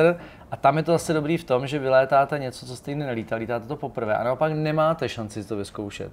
A ten simulátor třeba, já už teda teď nelítám mistrovství světa, protože na to nemám čas, ale třeba na posledním mistrovství světa ve Francii jsme používali k tomu, aby člověk vlastně získával jakoby orientaci vůči tomu boxu, protože vy se musíte různě otáčet, děláte různé uh, výkruty směrem vertikálně nahoru, dolů a vždycky musíte být ve, ve správném směru. Pokud by to člověk otočil, tak má všechno, co následuje potom prvku za nula a můžete z domu. Takže třeba na orientaci vůbec prostoru je to taky dobré, protože sice ten mozek si to umí představit, ale pokud si to můžete vyzkoušet a vlastně zažít si ten závod dopředu, tak je to vždycky výhodou. Když tady bavíme o akrobaci, o, o racingu ještě na simulátoru, tak uh, my jsme změnili páku, ale pedály tam teda máte taky, nebo? Taky, taky. Ty teda v tom uh, závodním létání se moc nepoužívají, protože tak, jako používají spíš pro takovou koordinaci toho letadla. Všechny ty řídící plochy musí být uh, v jakési uh, symetrii, symfonii, musí to všechno hrát do sebe, protože samozřejmě jakýkoliv uh, výkyv toho letadla do boku, nahoru, dolů, hmm. To letadlo zpomaluje. Takže my se vlastně snažíme uh, vlastně letět v té optimální linii a to letadlo by mělo pomalu a plynulé, ale v reálu to probíhá velmi rychle. Jasně. Vlastně přecházet z jednoho toho manévru do druhého. Tak speciálně ten slalom, ten je No a to, jako to, je, to jsou poměrně složité pohyby, které musí být vyladěny, jinak to letadlo samozřejmě vám lítá nahoru dolů a, a vypadá to blbě i pro ty rozhodčí samozřejmě, protože oni pokud uh, to se stává třeba v té nižší třídě, i když tam už jsou ty piloti taky velmi zkušení, třeba tam někdo nový a, a dělá příliš velké zásahy do těch kormidel, tak je to jako v autě, kdybyste prostě ta, ta nejrychlejší trajektorie je vždycky většinou ta, ta, jako ta příjemná, že ne ta, kde jdete driftem. Takže tady je to stejný, pokud to není na efekt a snažíme se těch pohybů jako dělat co možná nejméně, tak aby jsme se dostali tam, kam potřebujeme. Takže hmm. nohy se moc Používají se, ale ne moc. Red Bull Air se dočkal i několika herních zpracování, jako příkladu na mobilech, ale nejenom tam. Je to něco, s čím vás pak musí oslovit autor takový hry a zeptat se, jestli něco od vás, vaše letadlo nebo nějak barvy, cokoliv může využít, nebo to je něco, co Red Bull řeší, co by nějaká zastřešující organizace a vy vlastně s tím nepřicházíte do kontaktu? Uh, popravdě vlastně hra Red Bull která běžela na PC jako free to play, uh, koncept tak, tak už tuším uh, nefunguje ale já jsem ji samozřejmě hrál několikrát na třeba kolínském veletrhu počítačových her, kde jsme tu hru launchovali. Musím říct, že ten model byl zpracováván vlastně ve spolupráci s piloty, to znamená, mluvili jsme do toho hodně, ohledně toho, jak se to letadlo chová, co ten pilot vidí, takže třeba když se zatáhlo, tak to celé jako rudlo, protože to je vlastně to, co vnímáte začátku. Ale samozřejmě muselo se to velmi zjednodušit a bylo tam hodně takzvaných pomocníků digitálních, kteří to letadlo stabilizovali, tak, aby vlastně klasicky normální člověk, který přijde si to mohl zalétat a neotrávilo ho to. Takže byli jsme u, toho, u té stavby, každý vlastně tam ten tým měl svoje letadlo ve svém designu, ve svém brandu a bylo to jako příjemné vidět to naše letadlo um, létat vlastně v tratích, které byly imaginární v některých případech a zrovna na téhle hře jsme se podíleli velmi intenzivně, jsme vozili třeba ty tvůrce a byli jsme s nimi v kontaktu. Hmm. Uh, my tady jsme ještě mluvili samozřejmě předtím, než jsme pustili ty kamery, uh, právě o tom Gamescomu, o tom, když tam launchovali tu hru. Uh, tak uh, klidně ještě se pojďme vrátit k tomu, jak jste teda v tom byl úspěšný oproti ostatním lidem, kteří tam teda chodili z řad uh, nějakých diváků a návštěvníků, zájemců o tu hru, tak uh, dokázal jste je porazit? No, je to přesně tak, uh, asi jako je to i u těch automobilových věcí, kdy Uh, chvilku mi trvalo, než jsem se samozřejmě rozkoukal, než člověk zjistí, to letadlo totiž jako létá jinak, reaguje jinak, ale v momentě, kdy jsem to poznal, tak jako popravdě bylo velmi těžké mě, mě porazit, říkám neskromně, ale to je asi přirozené, jako my v tom letadle trávíme a tím pádem na tom simulátoru mraky hodin a a tudíž i vlastně přesně známe ty trajektorie. Ono jako, eh, i když třeba chápete to, jak eh, jezdí auto rychle, nebo kde je Apex, jak máte brzdit, tak eh, v tom letadle to jako nepochopíte úplně na první dobrou a i když si třeba člověk myslí, nebo my si myslíme, že tahle trajektorie bude ta nejrychlejší, tak třeba v reálu se potom ukazuje něco jiného a, a ty hodiny, které člověk na tom stráví, tak jako nejdou úplně, úplně před, předehnat, nebo jak to říct, nebo nejdou jako přeskočit. Takže je to těžké podle mě porazit i někoho v autě, kdo jezdí dobře a sedne si za simulátor. Vy už jste o tom částečně mluvili, abych se přesto k tomu trochu vrátil. Eh, když zkušený pilot jako vy usedne do úplně nového letadla, jak moc je to pro vás náročný se s tím novým strojem obeznámit? Protože já jsem asi loni nebo předloni dělal rozhovor, ne teda pro Vortex, s jedním z veteránů druhé světové války, který mm-hmm. si velmi přál ještě jako poslední přání splnit si let Gripenem, který mm-hmm. chtěl sám řídit a komentoval to se slovy jako, že letadlo jako letadlo, že nebo ne, že by si neuvědomoval ty rozdíly, ale jako, že vlastně myslel, že je to něco, co, co zvládne. Jak tohle to mm-hmm. vnímáte vy, ten, ten nástup? No tak eh, já úplně na rovinu v poslední době létám hlavně akrobatická letadla různého druhu, různého, různých výrobců, eh, různých charakteristik, ale to, to je moje specializace. Takže já třeba už dneska nelétám z letadly, které jsou třeba větší, více motorová udržuju si tu kvalifikaci, ale nesedím v tom často. To znamená, uh, jsou to třeba letadla, která kdyby je řídil někdo, kdo s nimi lítá každý den, tak, tak jako nemám absolutně šanci se mu v tom, v tom handlingu nebo v tom, jak obsluhuje to letadlo vyrovnat a to říkám na rovinu. Uh, naopak zase si myslím, že aby někdo řídil akrobatická letadla tak, jako řídíme my, když v nich sedíme každý den, tak je taky pro, pro ně složité. Je to velmi jako specifická dovednost a hlavně to nejde jako nahnat rychle v čase. Tím, že je vám špatně, eh, nebo nemůžete tam trávit čtyři hodiny denně, jako třeba, já nevím, na, na závodní trati v autě to jde, ale v tom letadle to jako fyzicky nevydržíte, tak vlastně nalétat ty hodiny trvá i v tom čase dlouho, takže to jsou spíš roky než, než měsíce, než se k něčemu dopracujete. A u těch akrobatických letadel je mi to v podstatě jedno. Některá ty letadla, o tom se už zase v té komunitě ví, jsou ty eh, vhodnější, ta lépe obratná, ty, které se lépe zastavují, jsou citlivější. Některá ty letadla jsou zase udělána jako velmi nestabilně, což jsou hlavně ty třeba ty závodní. Nestabilní znamená, že eh, je to jako když sedíte prostě na, na balónu, máte ruce, nohy ve vzduchu a musíte to, aby letělo vůbec rovně, jako musíte neustále řídit. A v té absolutní nestabilitě je právě ta jeho největší eh, deviza, nebo ta, ta, ta schopnost eh, být vlastně dobře ovladatelné, ale pro normálního pilota je to třeba složitější. Takže co se těch akrobatických týče, tak tam mi stačí chvilka, abych se na to zvykl, ale dneska je ten sport hodně, hodně unifikovaný, třeba na mistrovství světa letá 70 letadel, a z toho, dejme tomu třeba 70-80% je třeba od jednoho výrobce, je to jeden ten poslední model, eh, kde se ví, že to je prostě letadlo, ze, kterém, eh, ze kterým se dá vyhrát a které lítají ty nejlepší lidi na světě. A zase tím, že to je letadlo, tak se tam nedá dělat moc úprav, protože to všechno podléhá zase nějaké administrativě, eh, musí se všechno testovat, certifikovat a tudíž ty letadla jsou si velmi podobná. A, takže to je spíš o tom vlastně, o té schopnosti toho pilota jako takového, jak dovede s tím letadlem létat, jak se dovede vyrovnat s těmi porivy větru a ty stroje, pokud se jim o akrobaci, už to zase tolik neovlivňují. Ten Air tam samozřejmě se zase řeší úplně každá niance a každá technologická eh, novinka může, může ten tým jako významně posunout, protože tam si myslím, že už ty piloti létají jako velmi podobně a je to tam spíš jako nebavím se o těch nejlepších a nejhorších, ale pokud se na tom středu toho pole, tak, tak ty piloti jsou, myslím, jako výkonnostně velmi vyrovnaní. Hmm. Kdybyste si měl vybrat, jestli to vůbec takhle jde, říct, co je pro vás zajímavější, co by to bylo? Eh, akrobacie anebo závody? Tak určitě dneska Red Bull Air Race, ale zase Red Bull Air Race by nebyl bez akrobacie. Ty letadla, jak konstrukčně, tak, tak vlastně ta, to školení těch pilotů vychází z toho akrobatického světa. Eh, naučit se lítat nízko, rychle, eh, dělat tyhle manévry se nenaučíte na neakrobatickém letadle nebo na simulátoru vám to určitě stačit nebude. Takže jedno nejde bez druhého. Já miluji obojí, eh, nechci říct, že jedno byl, byl prostředek k tomu se dostat k druhému, on tak může vypadat, ale v podstatě já dodnes trénu akrobaci, aby se člověk udržel, protože zase trénovat ten air když nemáte pilony, nedává moc smysl. Takže my, my vlastně trénujeme na, na akrobaci a, a je, vlastně létáme je spoustu airshow v rámci uh, českých a, a rakouských, třeba německých leteckých dnů. Takže já dělám obojí, je to, jsou to trochu rozdílné disciplíny, ale velmi podobné. Ty letadla jsou taky každé jiné, ale kdybyste je viděl vedle sebe, tak byste musel jako hledat dlouho ty rozdíly, pokud se nebavíme o nějakých finesách, ty jako jsou si velmi podobná. Red Bull Air se lítá v nejrůznějších světových metropolích. Myslíte si, že je šance, že vás uvidíme někdy lítat takhle nad Prahou v rámci Red Bullu? No, jestli nad Prahou netuším, ale uh, vlastně teď bude brzo zveřejněna informace, uh, že by se měl létat takzvaný demo race, což je závod, který uh, vlastně jako je jakási takový vlastně demo závod, hmm.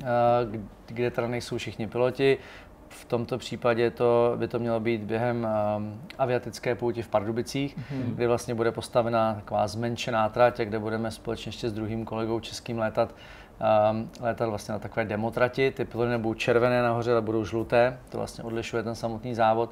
Bude tam postavené i, i hangády zázemí.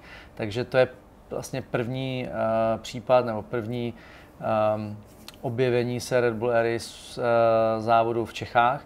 No a my pevně věříme, že, že se brzy uh, ten závod uskuteční, ale bohužel nejsem ten, kdo to rozhoduje, ani kdo by se na, té, na těch vyjednáváních podílel, takže ani nevím, jestli probíhají a pevně věřím, že, že by to mohlo být reálné v budoucnu. Hmm. Eh, když tady Jirka zmínil právě ty závody eh, v těch metropolích nebo v těch městech, něco jiného je lítat třeba nad tím okruhem v tom, v tom Lausitringu, něco jiného třeba ve Vegas, eh, nebo tak, co je pro vás lepší? Mít pod sebou vodu a v zásadě nějak kolem sebe baráky, anebo spíš radši nějaký jako větší prostor?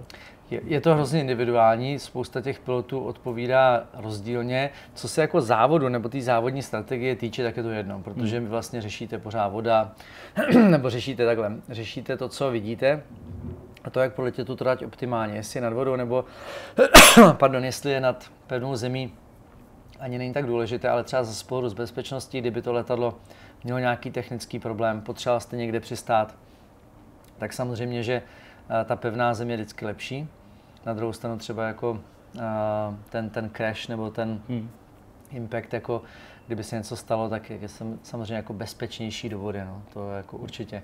Ale já to nepreferuju, asi možná kvůli jako orientaci nebo kvůli tomu, jak si člověk hledá ty různé body, kam se dívá a těch víc eh, vlastně jako bodů, které vám slouží jako referenční, tak máte na zemi, takže já bych si bych preferoval tu zemi. Vy jste mimořádně úspěšný v tom, co děláte ve vašem oboru. Máte vlastně nějaký sen, který se lítání týká, který byste si rád splnil a možná to zní jako naivně z mé strany, ale něco jako, já nevím, chtěl bych přistát někdy s vojenským letadlem nebo na letadlový lodi nebo na severním polu, něco takového. Eh, co, čeho byste chtěl docílit v tomto oboru?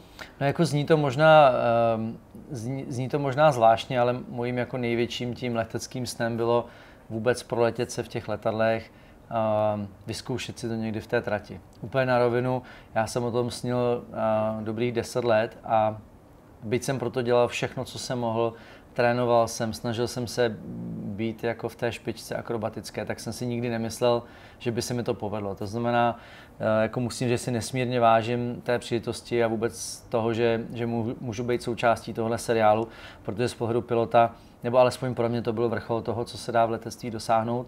Eh, kromě toho, že samozřejmě se snažíte o co nejlepší umístění a případně eh, výhru toho titulu. Na druhou stranu jako samozřejmě jsou věci, které by člověk ještě chtěl zažít, nebo myslím si, že třeba moje děti by uh, mohly mít šanci zažít, ale už jsou to věci komerční, typu já lety do vesmíru, podívat se na tu zemi ještě z větší výšky, ale jsou to věci, které spíš se jako dají zaplatit a to jsou věci, které mě nelákají. Tady u toho závodu, té série, člověk musel být uh, vybrán, musel se nějak kvalifikovat a to pro mě mělo tu hodnotu. Takže na rovinu uh, pro mě je cílem uh, být co nejlepší a, a vlastně v tom seriálu se uplatnit. Já, já vidím dneska, že ta zkušenost hraje obrovskou roli. Člověk si po tom prvním roce myslí, že už něco umí a že teď už to bude dobrý, že se povedlo pár výsledků, pak vlastně zjistíte, že ještě toho tolik neumíte a s každým závodem se člověk uh, učí a, a čím dál tím zjišťujete, že, že je toho ještě hodně, co musíte dohánět. Uh, takže třeba x letá zkušenost, kterou, kterou mají kolegové, třeba z těch ostatních týmů, kteří jsou tam dlouho, tak eh, se jako velmi těžko dohání v krátké době. Takže já cítím, že potřebujete čas zaprvé doladit to letadlo, všechny ty věci se vyvíjejí postupně. Není to tak, že byste přišel někam do krámu nebo do nějakého toningového shopu v Americe a řekl si, dobře, tuhle věc tak koupím na instalu na letadlo a zrychlí nástavou půl vteřin na kolo. Tak to nefunguje u toho létání, tam všechno se vyvíjí ve spolupráci s univerzitama, s firmami, které eh, tu věc dělají poprvé. Většinou to nejde skopírovat, pokud už to nějaký tým má, tak se k tomu rozhodně nedostanete. Takže každý ten tým má vlastně unikátní řešení a zase v tom je to zajímavé, že, že z toho plynou věci, které jsou třeba použitelné.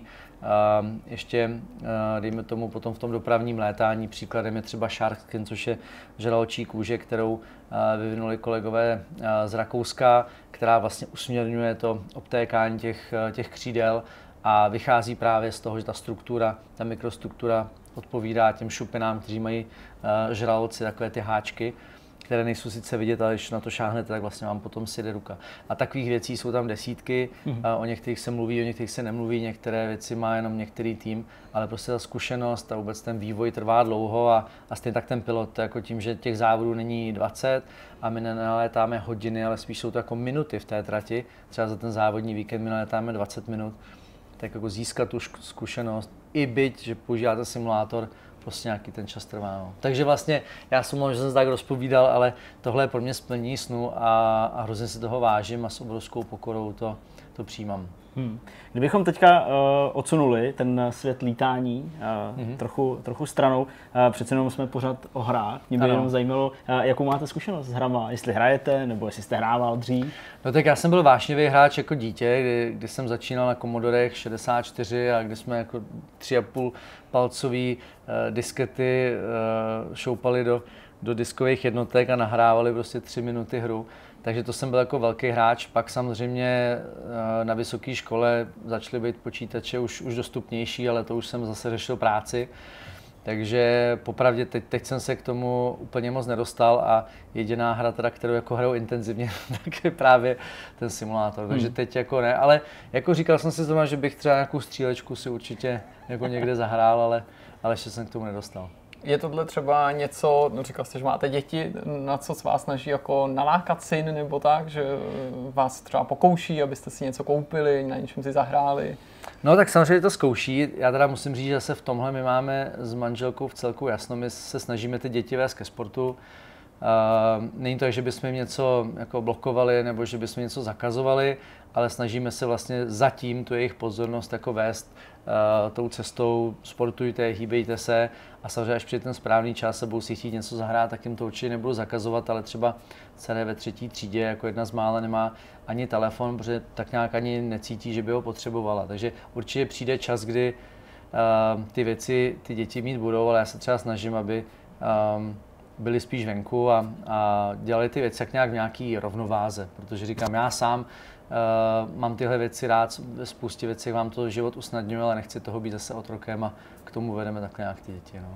Dobrá, no tak já myslím, eh, jestli je na závěr eh, něco, co byste třeba chtěl zkázat divákům, já nevím, ať už čeho si mají třeba všímat během závodu, nebo, nebo... No ať se určitě na nás hlavně přijdou podívat, protože myslím si, že jedna věc je vidět to v televizi, druhá věc je potom vidět ten závod naživo. Já musím říct, že právě to, když jsem ten závod viděl poprvé naživo v Budapešti, tak, tak jsem z toho byl absolutně jako fascinovaný, jak vlastně ty letadla letí strašně rychle. Ono si to nedovedete moc představit, když to vidíte v televizi, ale oni letají relativně blízko a ta rychlost se někdy blíží 400 km v hodině a pokud je to ještě zasazeno do měst, jako je eh, Porto nebo Budapešť, která teda bohužel letos nebude, tak eh, si myslím, že to je hrozně zajímavý zážitek a myslím si, že by to lidi, pokud ten závod bude blízko, měli využít a přijet nám fandit a podívat se. Ještě jednou moc krát díky za rozhovor, byl nám ctí, že jste přijal naše pozvání a hodně štěstí v seriálu Red Bull Air Race i v akrobaci. Samozřejmě. Já děkuji za pozvání, moc krát díky.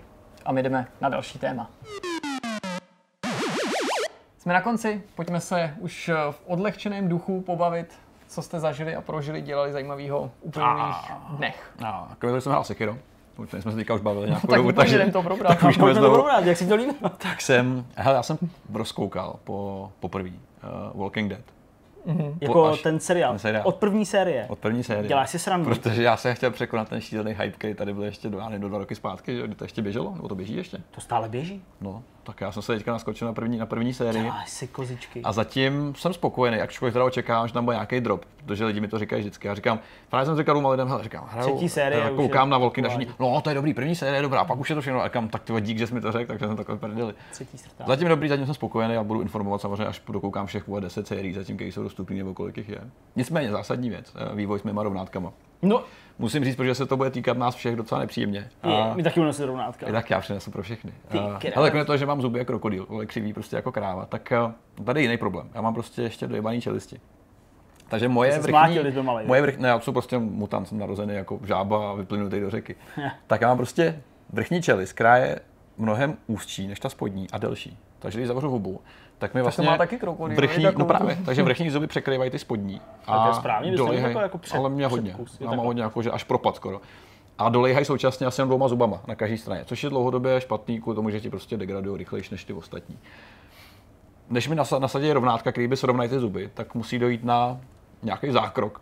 Jsou dvě, dvě možné varianty. Jedna je na hovno, a druhá je ještě víc na hovno. A Ty. mám si prý vybrat. První je taková, že mi uh, což jde tady lokální anestezi, kdy si lehnu a nějaký chirurg mi teda nařízne ty, ty, ty kostní, kostní čelist na každé straně na vrchu a pak se nasadí ty rovnátka, kterými to postupně rovnat. Protože u mě je fakt problém, u mě je fakt problém při té čelisti vrchníka je prostě problematická. Tady to je ta, ta lepší varianta. Běž Forest. Tady to je ta lepší varianta, která, která jakoby je prý je, i snažší. Lepší pro koho? Ty, pro, pro všechny zúčastněný. Pro mě je to trošku méně hrozný a ten doktor prý, no to nedělá každý, to musí být nějaký specialista. A když mi to říká ta paní doktorka, já jsem začal smát, jsem si myslel, že si dělá srandu, a nedělá.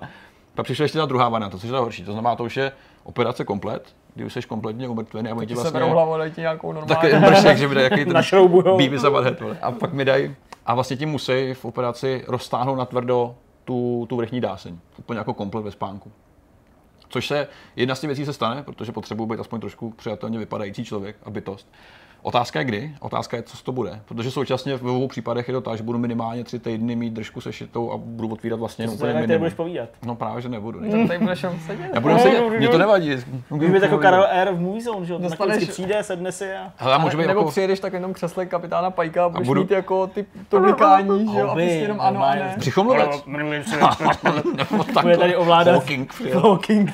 Nebo bych mluvit třeba břichem. Ale nevím, kde se to ještě stane, stane se to, budu nicméně minimálně tři týdny mimo. Jo, takže my se tady třeba no. měsíc neuvidíme, nebudu moc být ani v práci, což mi hrozně vadí. Hele, udělej to a... přes E3, to asi bude takový ideální. My budeme tam, ty budeš tady. Zkusím se to naplánovat. Oni, tak bohužel občas to Díky. není úplně jako spojený s těma doktorama, který mají, hele, v objednat na tu věc je šílený, no, tady neustále si nechají operovat zuby, prostě není místo všude. A máš prostě třeba jeden termín za tři měsíce, kdy můžeš jako se nechat operovat. Hmm. To znamená, že mi teda rozkouchají tlamu úplně komplet. uh, budu dost dlouho na samozřejmě rovnátka. Vrchní kováky jsou ty levnější, kováky. To jsou klasický kovový dráty, pak si ještě můžu koupit keramický, kdybych chtěl, ale ty už jsou za 55 tisíc. Máš s nějakým zdobením. Děkuju, nechci. Cibuláky, prostě. Čajna, ty vole.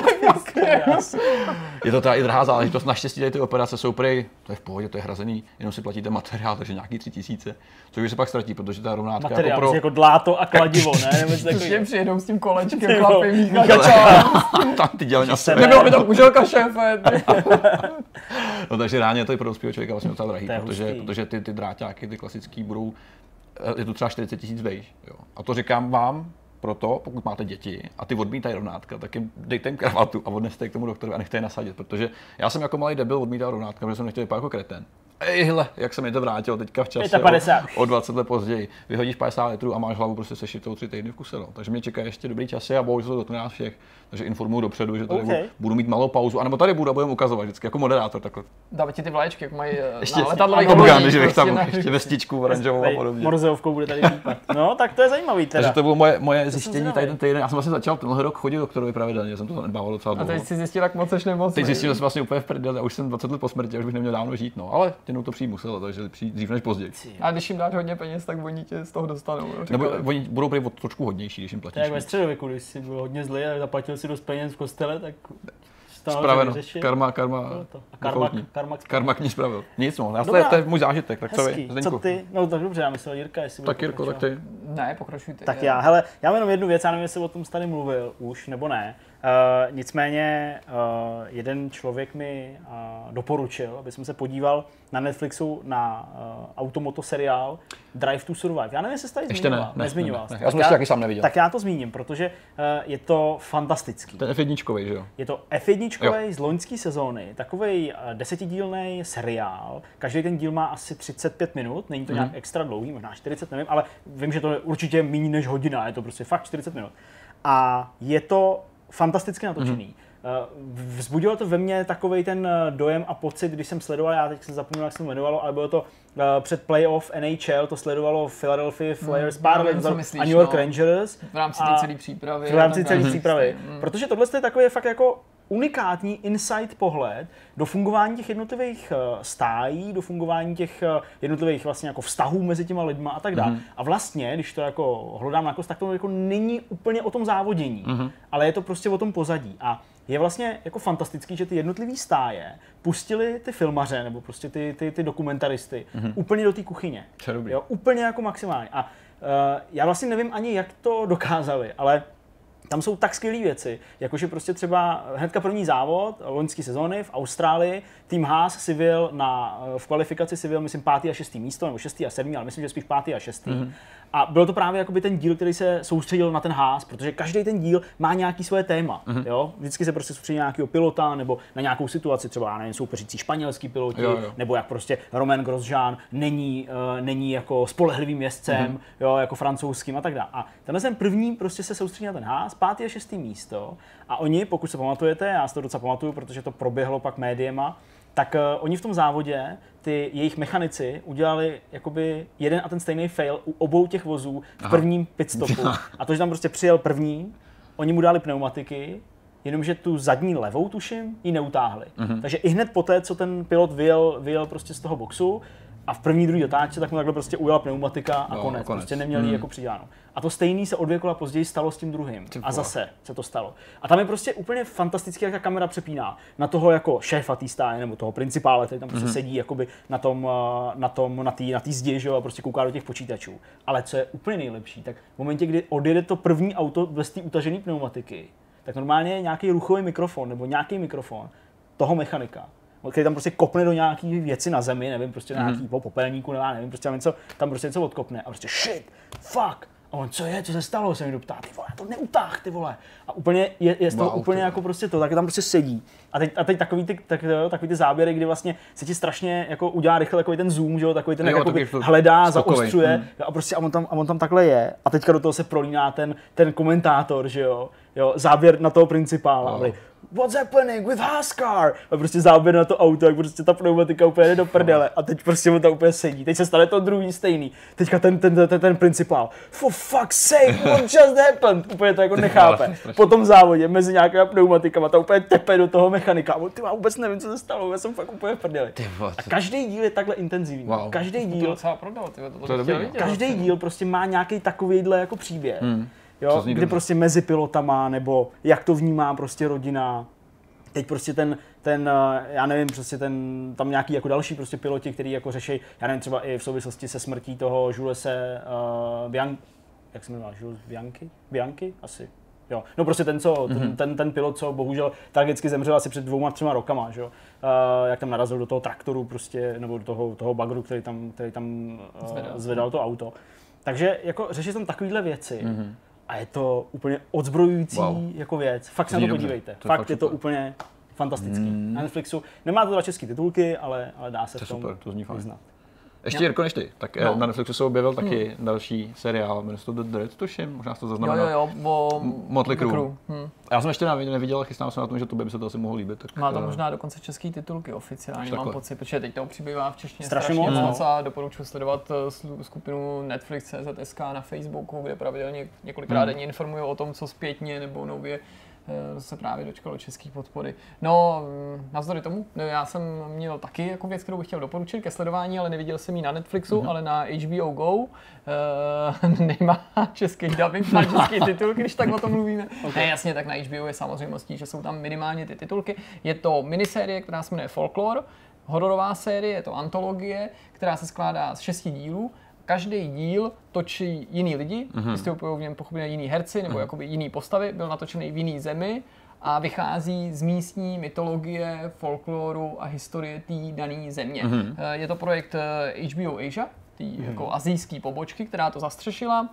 Je tam příběh z Jižní Koreje, eh, z Japonska, ze Singapuru, Tajska mám pocit. Takže prostě komplet Asie. Teda. Šest zemí, takový ty nejvýraznější právě bych řekl z hlediska filmových hororů, mm-hmm. to mm-hmm. totiž není ani zdaleka jenom právě Japonsko a, a ta Jižní Korea, ale kdo mm. si vzpomene třeba na skvělý horor Shutter, tak ví, že právě mm. i Tajci Jasně. a ty další země umí točit Každý prostě fantastický horory. A je to teda dobrý, jako není to takový to jako jasný 10 z 10, nebo jsem přesvědčený, že spoustě lidí se to moc netrefí do vkusu. Mně se líbí, že každý ten příběh je úplně jinak pojatý, mm. díky tomu, že ho teda točí úplně jiní lidi, že s nějakým pojícím prvkem není teda jenom ta skutečnost, že to vychází z toho folkloru, i když to není, chtěl bych říct jenom jako, že to nevypráví nutně příběh jako toho folkloru ve smyslu, jako, že v té zemi je nějaká legenda Jasně. a že jí to otrocky odvypráví, tu mm-hmm. legendu, to se spíš opírá o nějaký téma z té legendy, dejme tomu nějakého tvora, mm-hmm. ale ten příběh je původně nový, není to jakoby recyklát něčeho, co jste viděli, což je taky mhm. důležitý, mm-hmm. protože um, Obecně si myslím, že kdyby se snažili jenom nějakou legendu jako odvyprávět znovu, takže by to byl příběh, který bychom třeba mohli v nějaký takovýhle podobě vidět. Takže i když jsou tam jako témata zpracovávaný, mm-hmm. který třeba už jste někde mohli v podobné verzi zachytit, tak ten příběh by měl být vždycky čerstvý. Mm-hmm. A pojícím prvkem teda je, že se to vždycky týká jako, já jsem viděl tři ze šesti, takže možná ještě budu vyvedený z omilu a tohle není něco, co jsem někde vyčetl, to jsem mhm. vypozoroval, ale mám pocit, že se to vždycky týká rodiny mm-hmm. a konkrétně jako mateřství, že ve všech těch příbězích, které jsem viděl já, velmi důležité důležitou úlohu hraje to, že je to jako nějaký příběh rodiny a nějakého dramata uvnitř té rodiny hmm. a ve všech těch třech z těch šesti hrála teda jako důležitou roli ta matka, ať už ta matka byla hrdinka nebo vedlejší postava, nebo šlo o mateřství jako téma hmm. a je to strašně zajímavé, protože na to můžeš opravdu pozorovat to, jak v těch jednotlivých zemích se liší ten vkus, jak je to pojetí té filmařiny jako dost odlišný. Hmm. Samozřejmě, já nevím, kdyby to zpracovávalo, dejme tomu tu jednu látku, dejme tomu třeba z toho Japonska deset japonských režisérů, tak to po každý bude trochu jiný, ale já si myslím, že to jako nějaký archetyp jde hmm. brát, hmm. protože skutečně tam si pak uvědomíš, jak jako není azijský horor jako azijský horor, nebo azijský film, azijský, uh, azijská kultura, nebo, nebo seriály, že prostě třeba to Japonsko a Jižní Korea k sobě mají prostě z hlediska geografie jako docela dost blízko, mm. mají spoustu historických vazeb a přesto nejen ty příběhy, ale způsob, kterým ty příběhy vypráví, jsou jako diametrálně mm. odlišný. Tak to je jako věc, kterou bych chtěl docela doporučit, protože já jsem na ní narazil